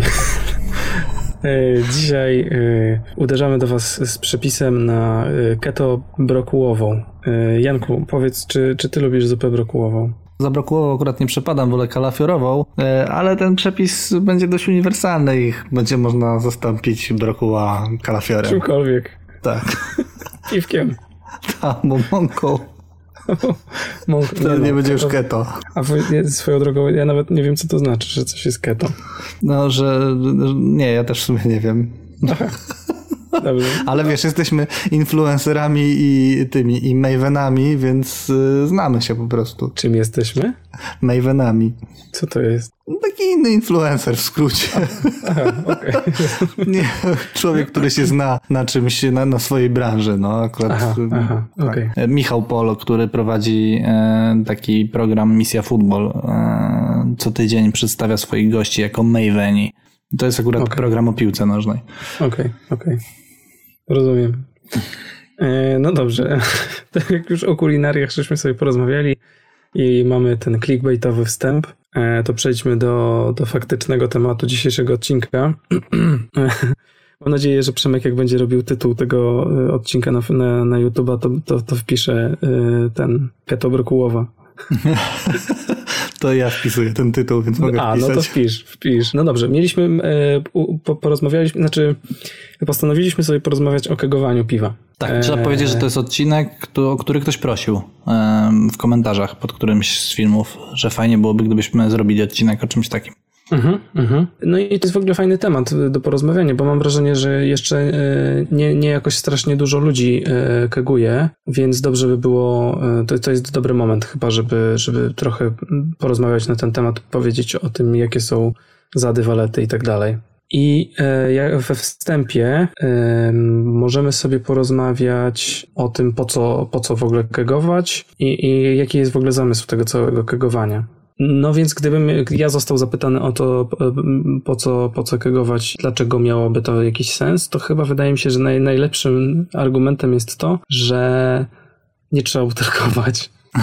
No tak, oszczędność czasu to po pierwsze, po drugie jednak jakość e, piwa z kega jest na pewno wyższa niż z butelki ze względu na to, że dużo łatwiej można uniknąć utlenienia. Czyli po pierwsze osz- oszczędzamy czas, po drugie mamy lepszej jakości piwo, które dłużej też będzie mogło stać prawdopodobnie, dłużej będzie mogło stać w dobrej formie, a może tak. Natomiast ma to też, e, też pewne minusy, nie? A jakie masz na myśli minusy? No minusy to po, po pierwsze miejsce, które trzeba mieć na to przygotowane, po drugie sprzęt do tego trochę kosztuje i trzeba na to parę złotych wydać, e, więc pewne minusy są. No. No tak, to prawda, no ale to sobie o tym e, później. Chociaż właściwie możemy teraz chyba o tym porozmawiać. Przy okazji tego odpowiedzi na pytanie, do jakiej sytuacji nadaje się kegowanie, bo mam wrażenie, że jedno i dru- jeden i drugi sposób e, serwowania piwa, zarówno kek, jak i butelki, mają swoje konkretne e, zastosowania i nadają się do różnych sytuacji. E, chyba się ze mną zgodzisz. No tak, To jest zdecydowanie. główna różnica, nie? No więc butelki są chyba po to tak naprawdę, żeby mieć małe próbki, które można na przykład, nie wiem, wziąć tą butelkę, zanieść gdzieś i da, dać komuś do spróbowania, albo dać w prezencie komuś takie piwo w butelce, podczas gdy e, serwowanie z kega jest o wiele lepsze na wszelakich imprezach. No też nie na wszystkich, bo jak idziesz na imprezę, na, które, na której ludzie nie interesują się piwem, to dużo łatwiej jest zabrać tam dwie, trzy butelki na przykład, no tak. nie? Mhm. No ale jeżeli organizujesz imprezę w domu, to już wtedy wygodniej jest to zrobić, bo każdy sobie podchodzi do, do kranu i sobie nalewa po prostu z kranu to piwo.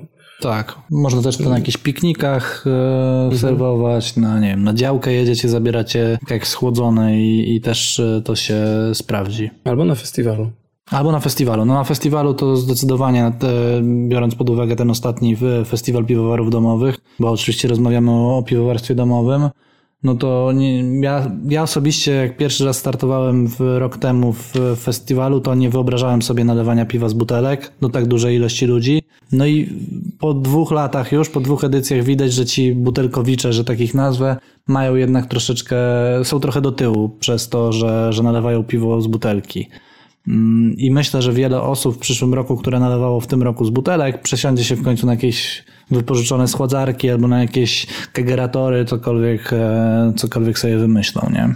Mhm. No i głównie chodzi tutaj o to, że, że mocno bełta z tym piwem przede wszystkim, a poza tym e, próbka wtedy próbce jest nierówna. Dużo równiejsze próbki są nalewane z kranu jednak niż z butelki, bo, bo w butelce osad wzburzasz, e, to piwo się, się ogrzewa w trakcie nalewania i, i w związku z tym właśnie te próbki są mm, z butelki różni się próbka od próbki. Zgadzam się. E, więc trudniej jest ocenić to piwo.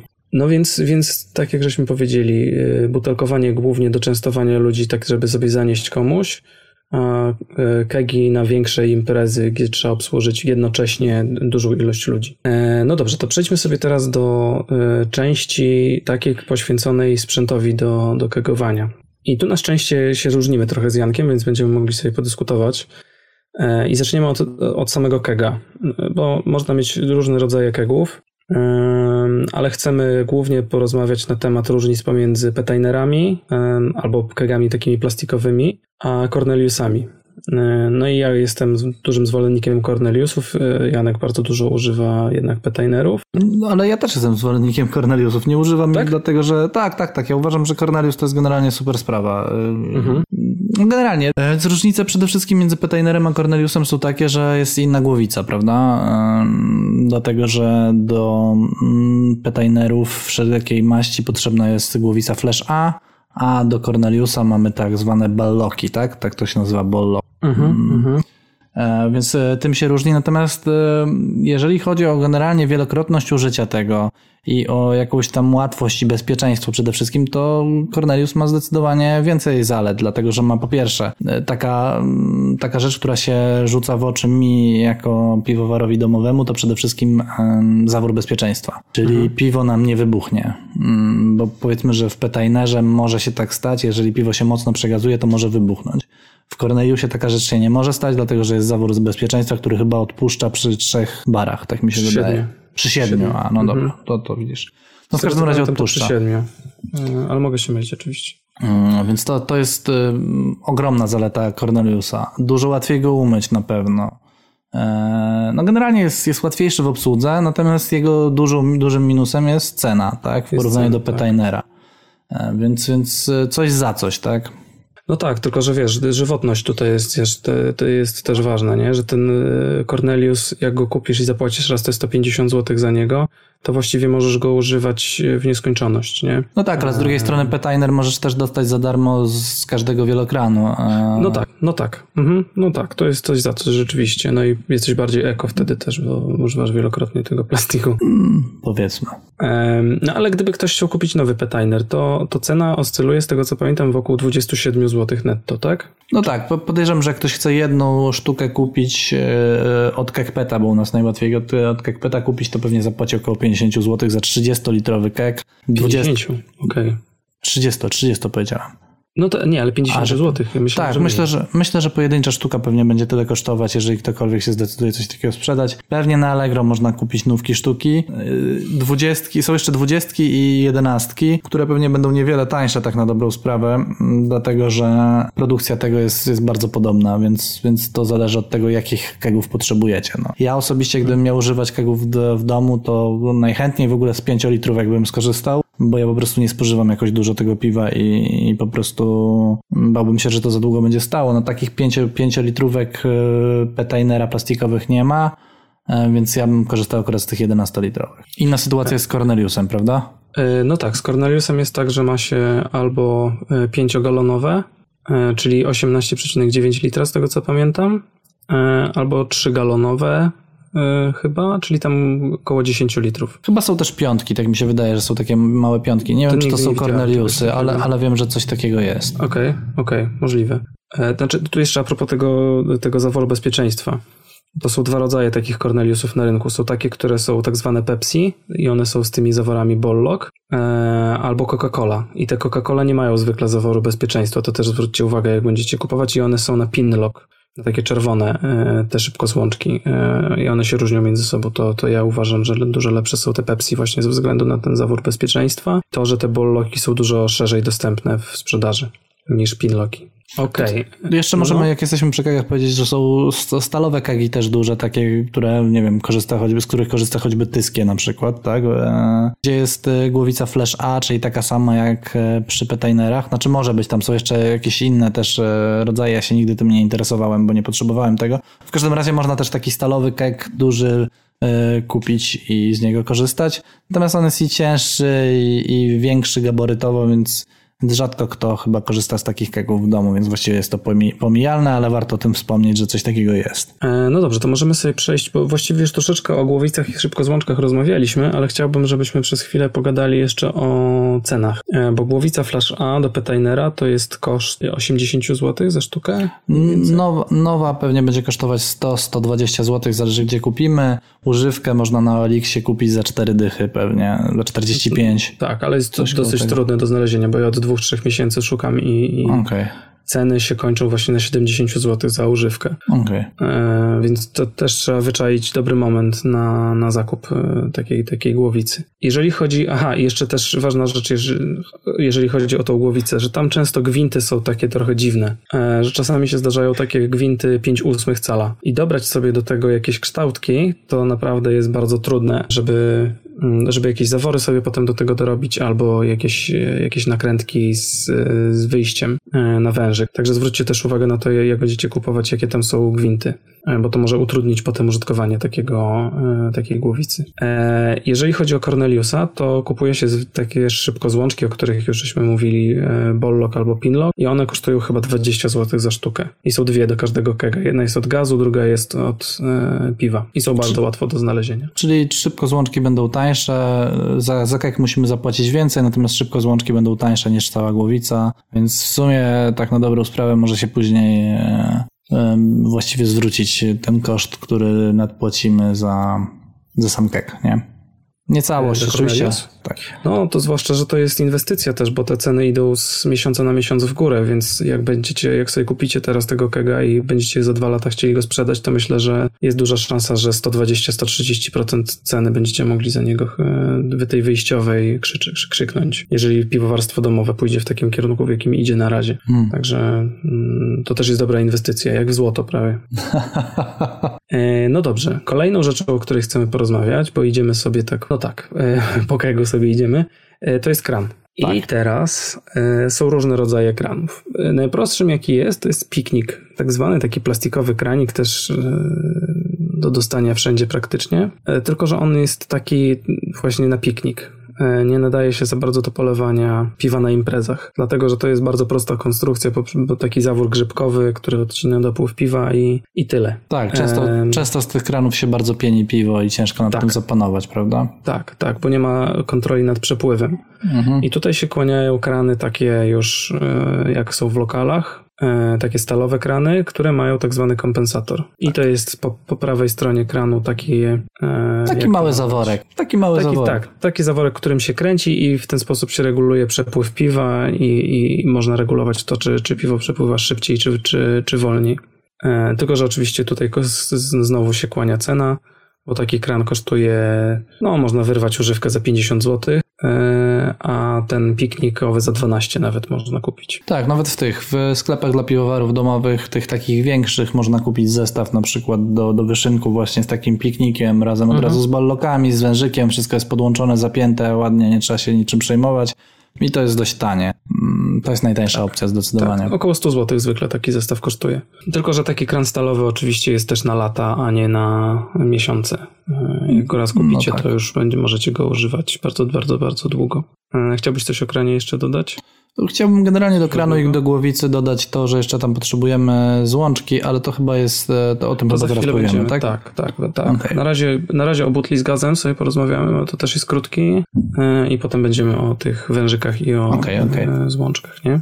E, no więc oczywiście, żeby wypchnąć piwo z kega, potrzebujemy butli z gazem, z dwutlenkiem węgla i w zależności od tego, jaką macie fantazję i jakie potrzeby, no to możecie kupić różne wielkości tych, e, tych butli. I ty miałeś taką małą. Pamiętasz, jak, tak, jakie tak, ona tak. była pojemności? Wiesz co, nie, nie, nie, pamiętam, ale to jest jakaś taka akwarystyczna mała butla, zresztą z akwarystycznym e, reduktorem, bo tutaj, e, jak rozumiem, w tym punkcie też będziemy mówić o tym, że, że do butli jest potrzebny reduktor, mhm. więc ona była chyba pół kilowat, chyba to była pół kilówka. Okay.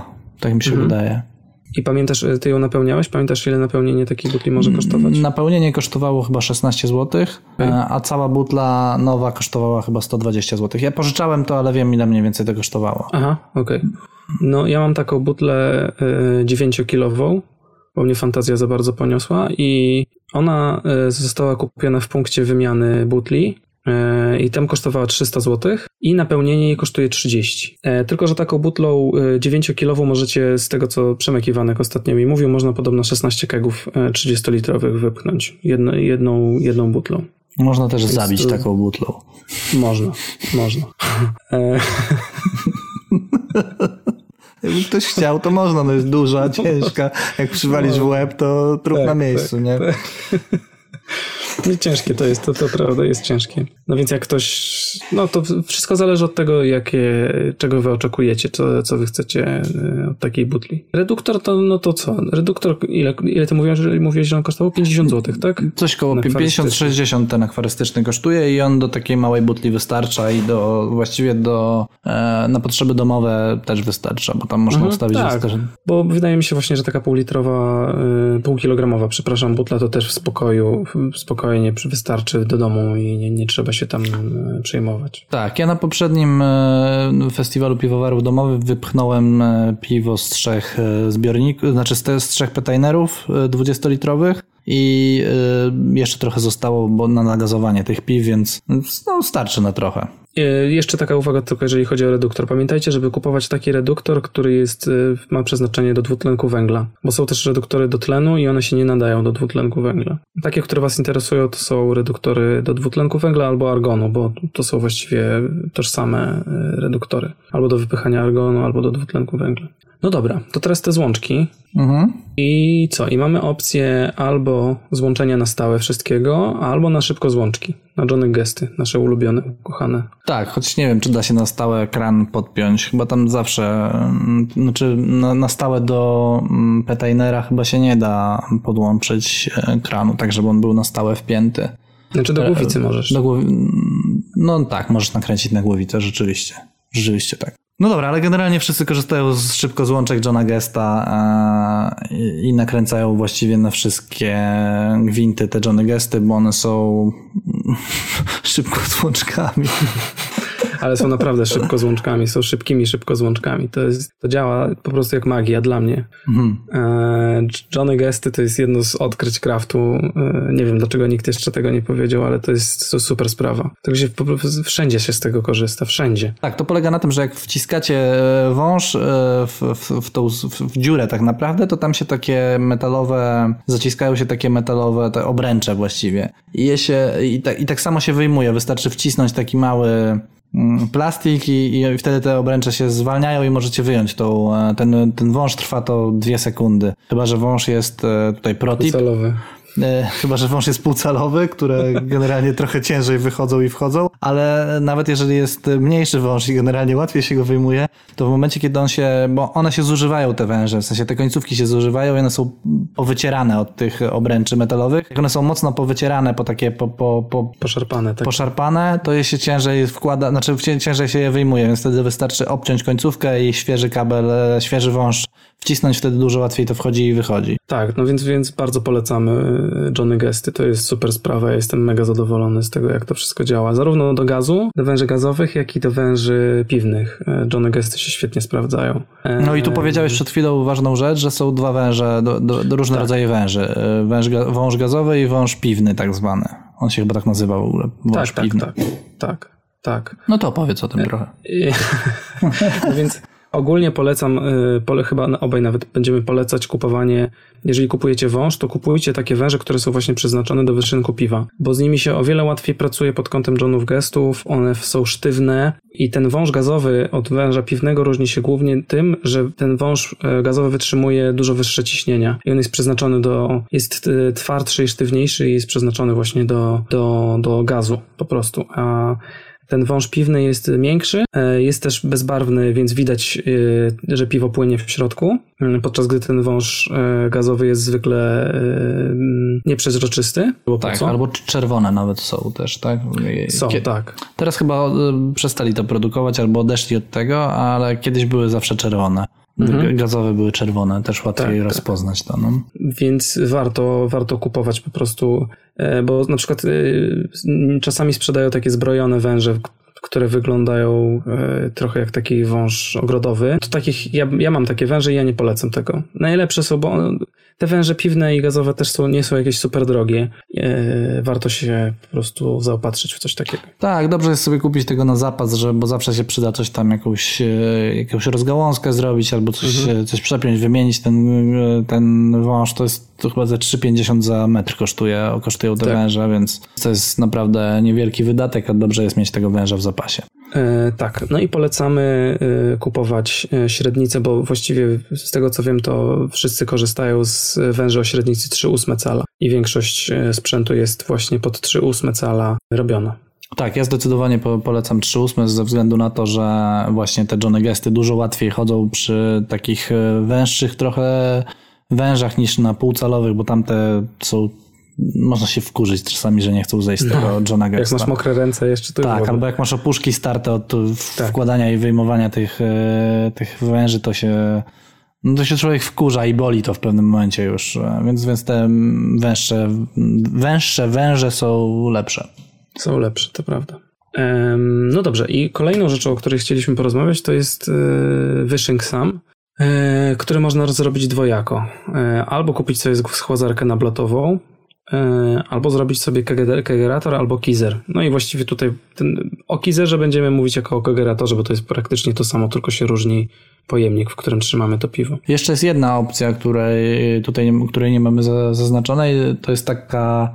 Ja nie wiem, jak to się nazywa. To się na pewno jakoś się nazywa, ale to jest e, lodówka turystyczna, w której w środku, Aha, do, do środka. taka. Tak, Okej. no ja, ja nie wiem, czy to jest prowizorka, bo w Stanach Zjednoczonych to jest bardzo popularne i to generalnie mm, za ciężkie pieniądze się kupuje. W każdym razie, tak, tak, tak. Macie lodówkę turystyczną, w środku macie wężownicę, zasypujecie ten, e, ten, e, Tą tą, lodówkę. tą lodówkę turystyczną lodem albo jakimś suchym lodem.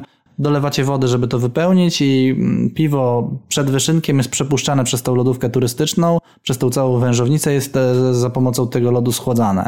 E, Plusem jest, plusem jest to, że nie potrzebujecie zasilania żadnego e, prądu i jest to świetne na, na właśnie na przykład na działkę albo na jakąś imprezę mm, plenerową, gdzie można to zabrać, po prostu kupić w najbliższym sklepie suchy lód i, i po prostu zasypać to i macie zimne piwo bez, bez prądu właściwie. Bo zarówno kegerator, o którym mówiłeś, jak i schładzarka nablotowa potrzebuje zasilania. Tak, potrzebują prądu. No i są ciężkie. Na pewno dużo cięższe niż taka lodówka turystyczna. Tak, no i kegerator na przykład ciężko wziąć pod pachę. pod pachę to na pewno. Na plecy to jeszcze, jeszcze. No jeszcze dasz radę, nie? A, a taką lodóweczkę turystyczną, ona jest leciutka, łatwo ją zabrać, nie? Tak, tak. To Piotrek Brzeziński. Jak ktoś był na festiwalu piwowarów domowych, to takie rozwiązanie miał Piotrek Brzeziński. Tak. Um, do swoich piw. Znaczy, no, przepraszam, do jednego, bo drugie to było... E, nie, do dwóch, do dwóch piw. Dwa, dwa piwa przez e, ten... Nie pamiętam, no jak tak, bo jedno było jego, drugie Asi był. Oni mieli trzy piwa generalnie. Dwa były no przypuszczone. I, no i Riz był z tego, prosto. No dobra, nieważne. Nieistotne.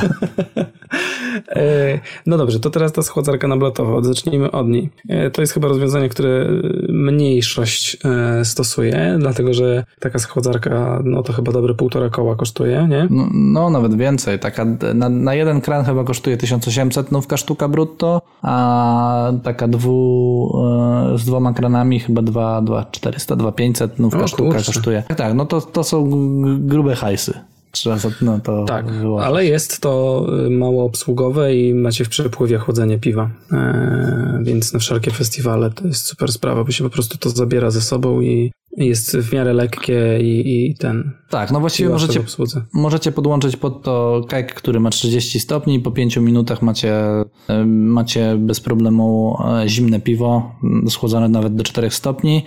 I mhm. one mają zazwyczaj dwa, e, chyba 20 litrów na nie, dobra, nie, nie pamiętam jaką mają przepustować, ale mają dużą, no także właściwie yy, nie zdarza się, żeby na festiwalu... Żeby ciepło lecieć. Tak, dokładnie tak. Mhm, mhm. E, no dobrze, a kegerator to jest po prostu, i dla tych, co nie wiedzą, to jest lodówka e, albo w przypadku Kizera zamrażarka przerobiona tak, żeby e, po prostu są dziury wywiercone i krany są wtedy w drzwiach takiej lodówki zwykle i i polewa się e, piwo prosto z tej lodówki. Więc wtedy całą objętość piwa chłodzicie i macie temperaturę całej objętości piwa e, taką i właśnie w tej temperaturze serwujecie piwo. No dokładnie, to, to jest, e, z tym jest troszeczkę większy problem, bo oczywiście można zabrać taki kegerator na festiwal, natomiast trzeba przywieźć schłodzone piwo, dlatego że jak wstawimy to ten 20-litrowy keg do, do lodówki, to on się od razu nie schłodzi, nie? Trzeba, mhm. trzeba go wcześniej schłodzić, przewieźć go w miarę szybko, podłączyć tą lodówkę i wcisnąć ten keg z powrotem, żeby to było zimne. Kegerator jest raczej moim zdaniem rozwiązaniem do domu, jak mam, albo jak macie duże mieszkanie i macie gdzie trzymać coś takiego, albo jak macie dom po prostu, to, to wtedy no, trzeba mieć na to miejsce, no bo lodówka tam te 60 cm szerokości zazwyczaj ma, żeby weszły tam kegi, butla najczęściej wchodzi też do środka. No, żeby miało to ręce i nogi, żeby dało się tam wrzucić ze dwa kegi, to, to, to musi być duże i trzeba mieć na to miejsce po prostu. Mhm, mhm, tak. Natomiast jest to... Jest... Tańsze, sorry, że tak, tańsze, dokładnie. No, tak. Tak, bo tam używaną taką lodówkę za 400 zł myślę, że spokojnie jesteście w stanie wyrwać. No, myślę, że, myślę, że nawet za darmo można gdzieś tam znaleźć No jakieś, tak, no tak. śmieciarka jedzie czy czymś takim. Tak, dokładnie tak. Znaczy zaletą Kizera takiego na przykład, co mi się bardzo podoba, jest to, że możecie jednocześnie e, wymrażać tam piwo. Że jak mhm. ustawicie sobie ujemną temperaturę, to możecie sobie iceboxa zrobić, a w kegeratorze z kolei możecie fermentację też prowadzić, bo też sobie ustawiacie tę temperaturę, jaką chcecie. E, więc to jest trochę takie łączenie przyjemnego z pożytecznym. No, wszystko się rozchodzi o to, co chcecie uzyskać. Tak, do, do czego wam jest potrzebny ten, ten dany sprzęt? Czy do domu, czy ma to być przenośne, czy ma to być na festiwale, czy ma to być na jakieś pokazy i tak dalej, i tak dalej. Większość jednak wybiera kegerator ze względu na, na cenę. Mhm, mhm. Chociaż na przykład y, to rozwiązanie y, to, tej lodówki turystycznej mi się też bardzo, bardzo podoba. No mi się podoba, natomiast jak ja patrzyłem na ceny tego, bo chciałem sobie kiedyś kupić takie, takie coś, e, mhm. można to oczywiście zrobić samemu, natomiast y, te mm, materiały do tego też trzeba trochę dać za to. No w każdym razie ja mam dwie lewe ręce do takich rzeczy i nie bardzo podejrzewam, że nie, nie poradziłbym sobie, żeby zrobić taką wężownicę dobrze. E, no widziałem, to... że można chłodnicę po prostu taką, wiesz... No zwykłą chłodnicę wsadzić, tak? No, taką do piwa, wiesz. Okej. Okay. Że przepuszczasz wtedy przez nią piwo, nie? Mm -hmm. Tylko wydaje mi się, że to by było strasznie trudne do czyszczenia. Też mi się tak wydaje, że, że, No w każdym razie jak chciałem kupić nówkę sztukę, to okazywało się, że kosztuje to tyle samo, co na blatówka. Okej. Okay. Więc no, to nie są tanie rzeczy. Mhm. E, no dobrze, o sprzęcie chyba mamy wszystko yy, powiedziane. Czy o czymś zapomniałem? Chyba Wydaje nie. mi się, że cały sprzęt mamy omówiony. A jeżeli o czymś zapomnieliśmy, to na pewno ktoś dopisze nam w komentarzach. komentarzach. Bardzo miły jakiś komentarz. Tak. Dobrze, to teraz yy, porozmawiajmy o różnicach. Skupmy się na różnicach pomiędzy Petainerem a Corneliusem pod kątem przelewania do niego piwa. Mhm. I tutaj przy okazji Petainera polecamy oczywiście filmik Janka e, z cyklu e, Protipy Alchemii, w którym on pokazuje, jak obchodzić się z Petainerem i jak, jak go umyć E, jak, jak go napełnić piwem, ale jak go zdezynfekować jeszcze po drodze, ale powiedzmy mhm. o tym tak pokrótce. E, może chciałbyś no żeby, znaczy do petainera potrzebujemy mieć głowicę, znaczy i tak ją potrzebujecie mieć do wyszynku, więc macie głowicę i, i całe mycie, całe napełnianie i wszystkie mm, operacje, które przeprowadzacie na kegu dzieją się przez głowicę. E, przez, no tak, przez głowicę. Oczywiście można zdjąć fitting, go jakoś rozebrać, naciąć go, czy tam śrubokrętem podważyć i da się go zdjąć. Natomiast jest to upierdliwe i generalnie mm, ja nie jestem do tego przekonany. Wiem, że ludzie tak robią i sobie z tym radzą, natomiast ja nie jestem przekonany do tego z tego względu, że boję się, że ten petainer byłby w jakiś sposób nieszczelny później. No w każdym razie można zrobić to przez głowicę, zapinamy głowicę, otwieramy zawory i można tam wtedy nalać wodę, można tam nalać... Yy można tam nalać e, środek e, dezynfekujący, można przez tę głowicę też nalać piwo i jest to dość proste. No, trochę trzeba się namęczyć i trwa to trochę, trochę czasu. Trwać musi czasu, ale, ale da się to zrobić. Mm. No tak, no i, i właściwie jeżeli macie, jeżeli przelewacie w miarę sztywnym wężem i macie Johna Gesta, to po prostu się wpinacie w to i możecie, nie musicie za bardzo uważać, bo wtedy się samo nalewa praktycznie. No tak, na przykład można też, jak masz piwo w wiadrze z kranikiem, to po prostu można kranik podłączyć pod głowicę tak. i po prostu odkręcić go i się przeleje też, tak? Tak. Można tak, tak zrobić. Tylko trzeba pamiętać, żeby smoczek wyjąć ze środka. Tak, dokładnie tak.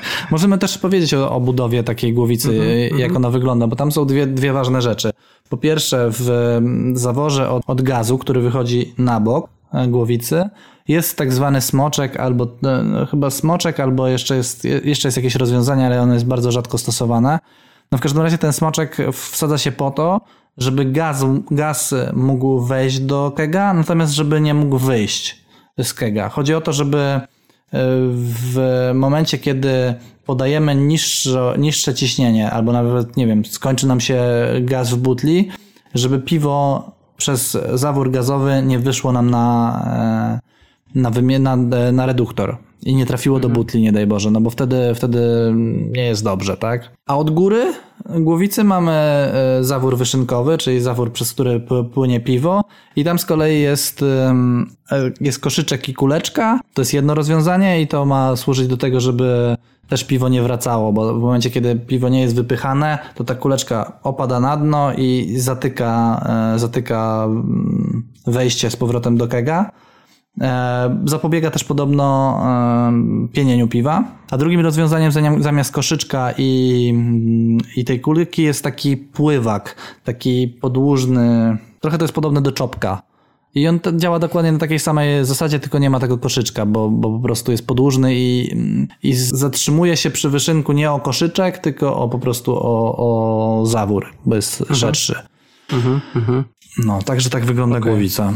No tak, no i właśnie trzeba pamiętać, jak się napełnia kega, to, to żeby powyjmować to, bo inaczej tego nie zrobicie, bo musi uciekać gaz, e, e, bo ciecz zastępuje gaz, który jest obecny w, e, w petainerze, więc musi uciekać tym wyjściem gazowym gaz, a tego czopka też nie może być w tym, tym wyjściu piwnym, no bo wtedy nie, bo nie będzie się przelewało inaczej. Tak, bo zatka po prostu ten, tak. ten, to, tą dziurę, przez którą się nalewa. Przy Corneliusie nie ma tego problemu, bo przy Corneliusie się zdejmuje to denko od góry i się po prostu nalewa e, grawitacyjnie, tak? Zwyczajnie się tak, przelewa. Tak, jak, się... tak jak z do wiadra po prostu byście nalewali, się, się przelewa. I, I, to jest właściwie, no można powiedzieć, że to jest zaleta w porównaniu, w sensie łatwiej jest to zrobić. Tak, tak, zdecydowanie. Cornelius ma tutaj dużą przewagę nad tym, też przy, przy myciu, tak? Bo można nawet bez problemu wyjąć, znaczy zdjąć to, to denko, i wziąć szczotkę i nawet wyszorować ten, e, ten tak, Cornelius Ręka spokojnie środka. wchodzi bez, no. bez problemu do środka. Tego w Petainerze nie zrobimy. E, no poza tym tego Corneliusa też można rozkręcić, można wykręcić wszystko. Można wyjąć te, te wszystkie elementy, które, które są w tym Corneliusie. W sensie te zawory. Mhm, Można to mhm. wszystko dokładnie umyć bez, bez żadnego problemu. Jedyny problem, jeżeli chodzi o Cornelius, jest taki, że jak nalejecie za dużo piwa, to włożenie potem tego, tego denka może nastręczać trochę problemów. Mhm. Bo trochę możecie po prostu zanurzyć go w, w piwie przez przypadek. Bo to się tak wkłada, że to się wkłada do środka i trzeba to umiejętnie potem przekręcić tak, żeby to naszło. Czasami też jest problem z tym, żeby to nałożyć tak, żeby dobrze była spasowana uszczelka, więc mhm. trzeba czasami parę prób zrobić e, i, i to jest, może być trochę irytujące momentami. Mm, no ale pod kątem przelewania jest na pewno dużo łatwiej, e, przez to, że jest tu duże wejście do, tak. do tego kega. E, I tutaj, tutaj ja chciałbym jeszcze dodać coś, czego nie, mamy, czego nie mamy w scenariuszu, o czym trochę powiedzieliśmy na początku, ale nie do końca powiedzieliśmy dlaczego. Jak już mamy nalane piwo, czy do Petainera, czy do Corneliusa, to moim zdaniem główną zaletą e, kega nad butelką jest to, że możemy podłączyć dwutlenek węgla pod zawór wyszynkowy i puścić, e, puścić ciśnienie i wypchnąć cały tlen, który się znajduje e, mhm. w, w kegu przez zawór, e, przez zawór gazowy, tak? Mhm. Czyli dmuchamy po prostu dwutlenkiem węgla w piwo, które jest w środku i ten, dwutlen, i ten dwutlenek węgla wypycha nam tlen ze środka, więc właściwie jako takie utlenienie nie następuje, bo w środku nie ma po prostu tlenu. Piwo się po prostu starzeje, zachodzą jakieś tam procesy, które, które zachodzą podczas starzenia się piwa, natomiast utlenienia jako takiego właściwie nie ma i takie ipki są dużo, dużo dłużej e, świeże. No to prawda, to prawda. Pod tym kątem jest, jest to fajne. No i przy okazji, e, jak już o tym wyszynku mówimy, albo dobra, to potem na koniec powiem. E, mam nadzieję, że to zapamiętam. Dobrze, to teraz jeżeli chodzi o nagazowanie tego piwa. W... Ja widzę trzy metody. Mhm. Wejdę ci w słowo. Widzę trzy, mhm. widzę trzy metody. Pierwsze to refermentacja i tu mhm. właściwie jest prosta sprawa. Refermentujemy dokładnie tak samo, jakbyśmy to zrobili w butelce. Ludzie mówią, że powinno się dodać do kega dwa razy mniej e, cukru, natomiast ja uważam, że to jest jakaś dziwna teoria, która nie do końca mm, ma jakieś podparcie rzeczywiście, bo nie, nie, wiedział, nie, nie za bardzo wiem, czemu miałoby być tego cukru mniej. Druga metoda to jest nagazowanie, e, turbo nagazowanie takie poprzez e, podanie dużego ciśnienia e, w jednym momencie i zaraz sobie to omówimy na pewno. I trzecie to jest nagazowanie w dłuższym okresie czasu, czyli na przykład nagazowywanie kega przez tydzień. Mhm. Przez podanie niższe ciśnienie, to jest bardziej kontrolowana metoda, przez długotrwałe podawanie niskiego ciśnienia. No to omówmy sobie te dwie, te dwie rzeczy. Nagazowanie poprzez e, długo, długotrwałe trzymanie niskiego ciśnienia. To powiedz, jak to działa. No to po prostu zadajecie, e, podłączacie butlę do kega, e, otwieracie butlę, macie cały czas otwartą butlę i otwarty reduktor i zadajecie ciśnienie takie, jakie byście chcieli mieć. Znaczy, no tak, takie, jakie byście chcieli mieć w tym kegu. I po prostu zostawiacie. I czekacie tydzień, i, i to się sobie powolutku ten dwutlenek węgla rozpuszcza w tym piwie i po tygodniu czy tam po dwóch tygodniach już jest, e, jest piwo nagazowane i można je serwować. I to jest co, cała filozofia. Co jest ważne, piwo musi być schłodzone. No właśnie chyba nie do końca, wiesz, wydaje mi się. To inaczej, im piwo zimniejsze, tym szybciej dwutlenek tym węgla szybciej, się rozpuści. Tak, to, to prawda. E, myślę, że ciepły kek byłoby ciężko nagazować przez tydzień. Myślę, że by nie dało rady. Wiesz, to też zależy od tego, jakie ciśnienie chcesz, nie? Jeżeli to ma być grodziskie albo wajcen, to, to, to, to, to tak, ale jak, jeżeli to miałby być risk, którym jest, wiesz, tylko tam muśnięty dwutlenkiem węgla, to myślę, że nie. Okej, okay, masz rację, masz rację. No i mamy tą drugą, czy tam trzecią metodę, o której ja mówiłem, czyli takie szybkie nagazowanie, które polega na tym, że najpierw schładzamy cały kek do, do 4 czy tam do 2 stopni, jak najniżej generalnie. Podłączamy pod niego dwutlenek węgla, podajemy dość duże ciśnienie, 2-2,5 e, bara. Kładziemy, e, kładziemy sobie kek, czy to jest Petainer, czy to jest Cornelius. Cornelius, to nie ma znaczenia i bełtamy bełtamy tym kegiem, turlamy go, zburzamy generalnie piwo cały czas. I robimy to przez jakieś 2-3 minuty, podając cały czas to ciśnienie, cały czas dwutlenek węgla pakuje się do tego kega. On się wtedy dużo szybciej rozle- roz, rozpuszcza i po takim zabiegu właściwie podobie można, e, można piwo E, rozlewać i ono jest nagazowane. Mhm. Natomiast tutaj nie mamy kontroli za bardzo nad tym nagazowaniem. Trzeba to mm, zrobić kilka razy i zobaczyć, jakie czasy działają od, odpowiednio, ile trzeba podać barów, ile trzeba trząchać, żeby dostać jakieś określone nagazowanie, jak długo, jak intensywnie tym bełtać i tak dalej, i tak dalej. Potrzeba po prostu trochę praktyki, żeby dojść do, do perfekcji z tym. Tak, to prawda.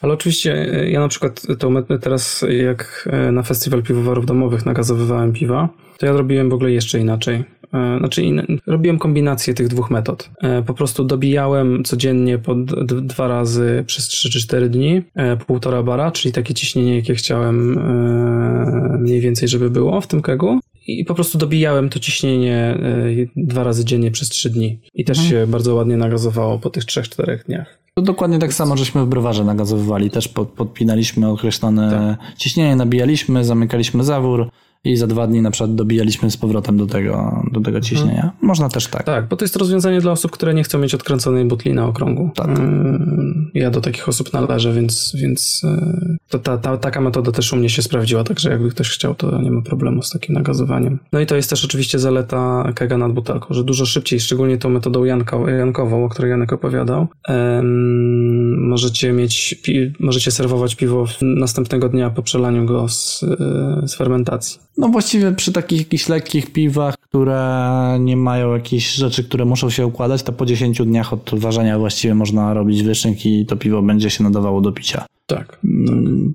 jestem w stanie sobie wyobrazić parę takich piw. Nigdy tego nie robiłem, ale, ale da się to zrobić na pewno. Jakiegoś biterka, spokojnie. American Wheat, takie sprawy. Chociaż nie, bo to chmielenie na zimno jeszcze. Jeżeli by nie robić chmielenia na zimno w American Wheatie, to, to spokojnie da się to zrobić no. Tak, tak. No dobrze, to porozmawiajmy teraz o samym wyszynku już. I tutaj, póki pamiętam, to powiem jeszcze, powiem o tym, co chciałem wcześniej powiedzieć, a mianowicie o tym, że e, ogromną zaletą wyszynku z kega w porównaniu do butelek jest to, że nalewacie sobie tego piwa ile chcecie. Jeżeli macie ochotę spróbować tylko tego piwa i wziąć sobie dwa łyki, to możecie sobie nalać dwa łyki. Jeżeli chcecie, e, nie wiem, wypijecie pół litra i zechce wam się jeszcze 0,3, no to dolewacie sobie te 0,3 i nie ma żadnego problemu. Z butelką, jeżeli macie 40 czy 20 butelek półlitrowych, no to musicie całą butelkę wypić albo ewentualnie wylać to piwo. I to jest ogromna e, wada w porównaniu do kega, moim zdaniem. No dobrze, to teraz tak, jeżeli chodzi o sam wyszynk, to zacznijmy od tego, jak ustawić ciśnienie mm, wyszynkowe. Ty pamiętasz, jak my ustawialiśmy na festiwalu piwowarów domowych? 1,2 czy 1,5? Wiesz co, generalnie im więcej festiwalów, e, festiwali obskoczyliśmy, tym e, ja dochodzę do, do wniosku, że im wyższe ciśnienie ustawisz na butli, oczywiście w granicach rozsądku, tym piwo się mniej pieni i tym generalnie jest mniej problemów. I, mhm. i jeżeli mamy podłączonych na jednym e, reduktorze, czyli na jednym wyjściu z butli kilka kegów, to trzeba podać wysokie ciśnienie, bo, bo, bo to ciśnienie się y, rozkłada później na wężach i, i rozkłada się też na kegi. Natomiast mhm. jeżeli y, weźmiemy pod uwagę mm, schemat taki typowo domowy, czyli mamy podłączony reduktor pod jeden keg albo pod dwa, czyli generalnie niedużo, tak? Bo, bo na festiwalach podłącza się pod jeden, e, pod jeden reduktor na przykład 6 kegów czasami. My, myśmy tak robili i mhm. generalnie da się to zrobić. Natomiast jeżeli mamy taki typowo domowy schemat, to na reduktorze trzeba ustawić ciśnienie po prostu wyższe niż jest w. I to jest zasada numer jeden i jest ona najważniejsza. O ile teoretycznie wystarczy o 0,1 bara więcej dać i, i powinno działać. Natomiast na tym filmiku, który ja nakręciłem, E, tam mówię o kilku takich zasadach, które, o których powiedział mi gość e, z Gast Service, Gastro Service. Pamiętasz? Gast. Gast Service. E, I tam jest kilka, kilka zasad, o których on mówi. Po pierwsze, każde 10 stopni różnicy na wyszynku, a, a między wyszynkiem a kegiem, to jest o 0,1 bara więcej na, na reduktorze. Czyli jeżeli na przykład na wyszynku mamy po, schład, po schładzarce 4 stopnie, a w kegu mamy 14 stopni, to musimy o 0,1 bara więcej podać e, mm, ciśnienia, żeby piwo się nie pieniło. On jeszcze mówił o takich e, rzeczach, które w domu raczej nie mają miejsca, mają raczej miejsce przy, przy jakichś większych instalacjach. Mówił, że o 0,1 bara trzeba podać więcej na każde 10 metrów e, węża poziomego, w których leci piwo i 0,1 bara na każdy metr, który idzie pionowo. I to mhm. były takie rzeczy, o których on mówił i które ja zapamiętałem sobie. Natomiast ja polecam dać po prostu dużo wyższe ciśnienie. Czyli znaczy jeżeli... Dużo wyższe, czyli dwa bary mniej więcej. Tak, tak się tak. nie przekraczać za bardzo, może i dwóch i pół bara, to, to, to jest, tak, tak, jest dużo. To właśnie mówiłem o, o, granicach rozsądku. Moim zdaniem granicą rozsądku jest to 2,5 bara. Więcej nie ma sensu chyba i nie ma potrzeby. E, chyba, że wypychacie jakiegoś wajcena, który jest naprawdę mocno nagazowany. Ale myślę, że dwa, dwa bary przy kilku kegach, które są podpięte, to jest dobra, dobre ciśnienie. Mhm, to prawda. E, no dobrze, to odpowiedziałeś też na drugą część tego mojego. Przepraszam, bo rozgadałem nie, się, nie dałem dobrze, ci nic dobrze, powiedzieć. Bardzo dobrze, bardzo dobrze. e, bo, bo tutaj właśnie miałem o tej długości węży. To w takim razie, te, bo ja tutaj mam ten, otworzyłem przez przypadek starą wersję e, scenariusza, ale w tej nowej napisałem też o problemach, jakie możecie napotkać na, na swojej drodze, jeżeli chodzi o wyszynk Skega. I przede wszystkim e, najważniejsze jest chyba to i najwięcej problemów, i najwięcej nam krwi napsuło e, obu e, pienienie się piwa. E, dlatego, że przede wszystkim że jak piwo, jak leci wam piana na festiwalu, a macie 20-osobową kolejkę, to jest duży problem, bo nie sprzedacie pół litra piany człowiekowi. Eee, I po prostu jak, jak nie leci wam piana, tylko samo piwesio, to dużo szybciej jesteście w stanie obsłużyć, umówmy się, że klienta po prostu, tak? I najwięcej, najwięcej jest problemów właśnie z pianą. Czyli i, i, rozwiązać to, co nam, nam ludzie podpowiadali, e, jeżeli chodzi o rozwiązywanie problemów z pianą, to jest po pierwsze to, co Janek powiedział, czyli odpowiednio dobrać ciśnienie wychodzące, gazu wychodzącego z butli na reduktorze, a po drugie, e, jak macie schładzarkę nablatową, to mocno schłodzić piwo. E, pamiętasz coś jeszcze? Przypomina ci się coś jeszcze z takich rad? Nie, to są właśnie te dwie rzeczy. Jeżeli piwo się pieni, to po pierwsze zwiększyć ciśnienie na butli, po drugie bardziej schłodzić piwo. Nawet jeżeli tak. to jest kagerator, czasami jest tak, że na przykład podepnie wypchniesz piwo i ono jest po prostu za ciepłe, jeszcze nie zdążyło się schłodzić, po prostu trzeba poczekać. Tak samo jest przy odpalaniu schładzarek. E, ostatnio na 100% Craft e, miałem problem, e, bo ty chyba gdzieś tam pojechałeś i, mhm. i ja podłączyłem te schładzarki i, i, wszystkie piwa się też pieniły od razu. I ja już oczywiście jak zwykle, jak to ja, spanikowany, już myślę sobie, kurde, kaplica, tak? Mhm. Natomiast wystarczyło poczekać 5 minut, aż schładzarki sobie schłodzą to piwo, które dostały i później już przestało się pienić wszystko. Oczywiście też podkręciłem ciśnienie jednocześnie, natomiast e, no, jednak temperatura i ciśnienie w połączeniu na pewno spowoduje, że piwo się będzie albo się w ogóle nie będzie pienić, albo się e, będzie pienić mniej. Tak, tak, tak. I z tego co pamiętam, to kolejną rzeczą, o której pisałem, było to, że piwo nie leci. Tak, może się. Albo że leci cała sama piana, albo że piwo w ogóle nie leci. I to jest też coś, co się czasami w lokalach zdarza, szczególnie jak przyjeżdża New England jakiś, jebucko nachmielony. Zwykle jak piwo nie leci, znaczy zwykle, zdarza się, że jak piwo nie leci, to oznacza, że po prostu kran się zapchał na przykład chmielinami. Właściwie jedynym rozwiązaniem takiej sytuacji jest po prostu rozkręcenie e, kranu i wyczyszczenie. Można czasami popróbować jakiejś kombinacji z e, butlą, z ustawieniem wyższego ciśnienia, żeby to wypchnęło to, ale zwykle kończy się po prostu na, na odpięciu piwa, wykręceniu kranu i wyczyszczeniu. I tak, tutaj rada, jaką możemy mieć, to jest właściwie tylko to, żeby po prostu starajcie się klarowne piwo zlewać e, do, do kegów. No jeszcze czasami pulpą się może zatkać, ale to, to no też tak, jest... owocami. Mhm. Mm, też dokładnie ta sama rada, tak. Trzeba po prostu przelać do tego kega piwo, które nie ma części stałych. Nie ma chmielin, nie ma jakiejś gęstej pulpy. Tak, tak. No bo problem tak naprawdę polega na tym, że wypychacie z samego dna. Więc jak wam na przykład dwa dni postoi to piwo, czy trzy dni postoi to piwo w tym kegu, to najgęstsze wam opada na dno i wtedy to najgęstsze ciągniecie. Więc w pierwszym momencie leci wam e, jest największe prawdopodobieństwo, że, że jak zaczynacie keg, to, to wtedy ten kran się zatka. Więc tutaj trzeba zwrócić uwagę szczególną na, na to, e, na ten problem. Chyba wszystko mamy, tak? Chyba wszystko. Powiem Ci, że jestem zaskoczony. Myślałem, że to będzie rach, ciach, ciach, 15 minut i po sprawie, a mam wrażenie, że wyczerpaliśmy tak, temat. Tak, tak, tak. No chyba, że uważacie, że nie, to wtedy piszcie w komentarzach. To będziemy się odnosić oczywiście w kolejnych odcinkach do tego. Eee, czy chciałbyś coś jeszcze dodać, czy... Nie, myślę, że możemy kończyć. Teraz możesz płynnie e, opowiedzieć o tych wszystkich dzwon, dzwoneczkach i, i innych takich. Tak. Yy, klikajcie dzwoneczki, klikajcie subskrypcje, polecajcie nas znajomym. Gotujcie. Komentujcie. Gotujcie tak, zupę. Gotujcie zupę keto, keto. Gotujcie keto. Pozdrawiamy Tomka i jego keto pizzę.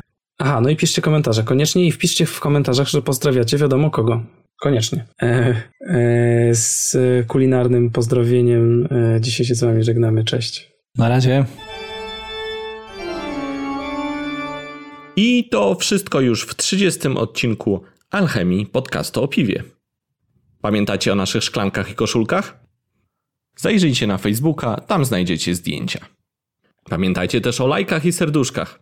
I do usłyszenia już niedługo w 31 odcinku Alchemii podcastu o piwie. Cześć!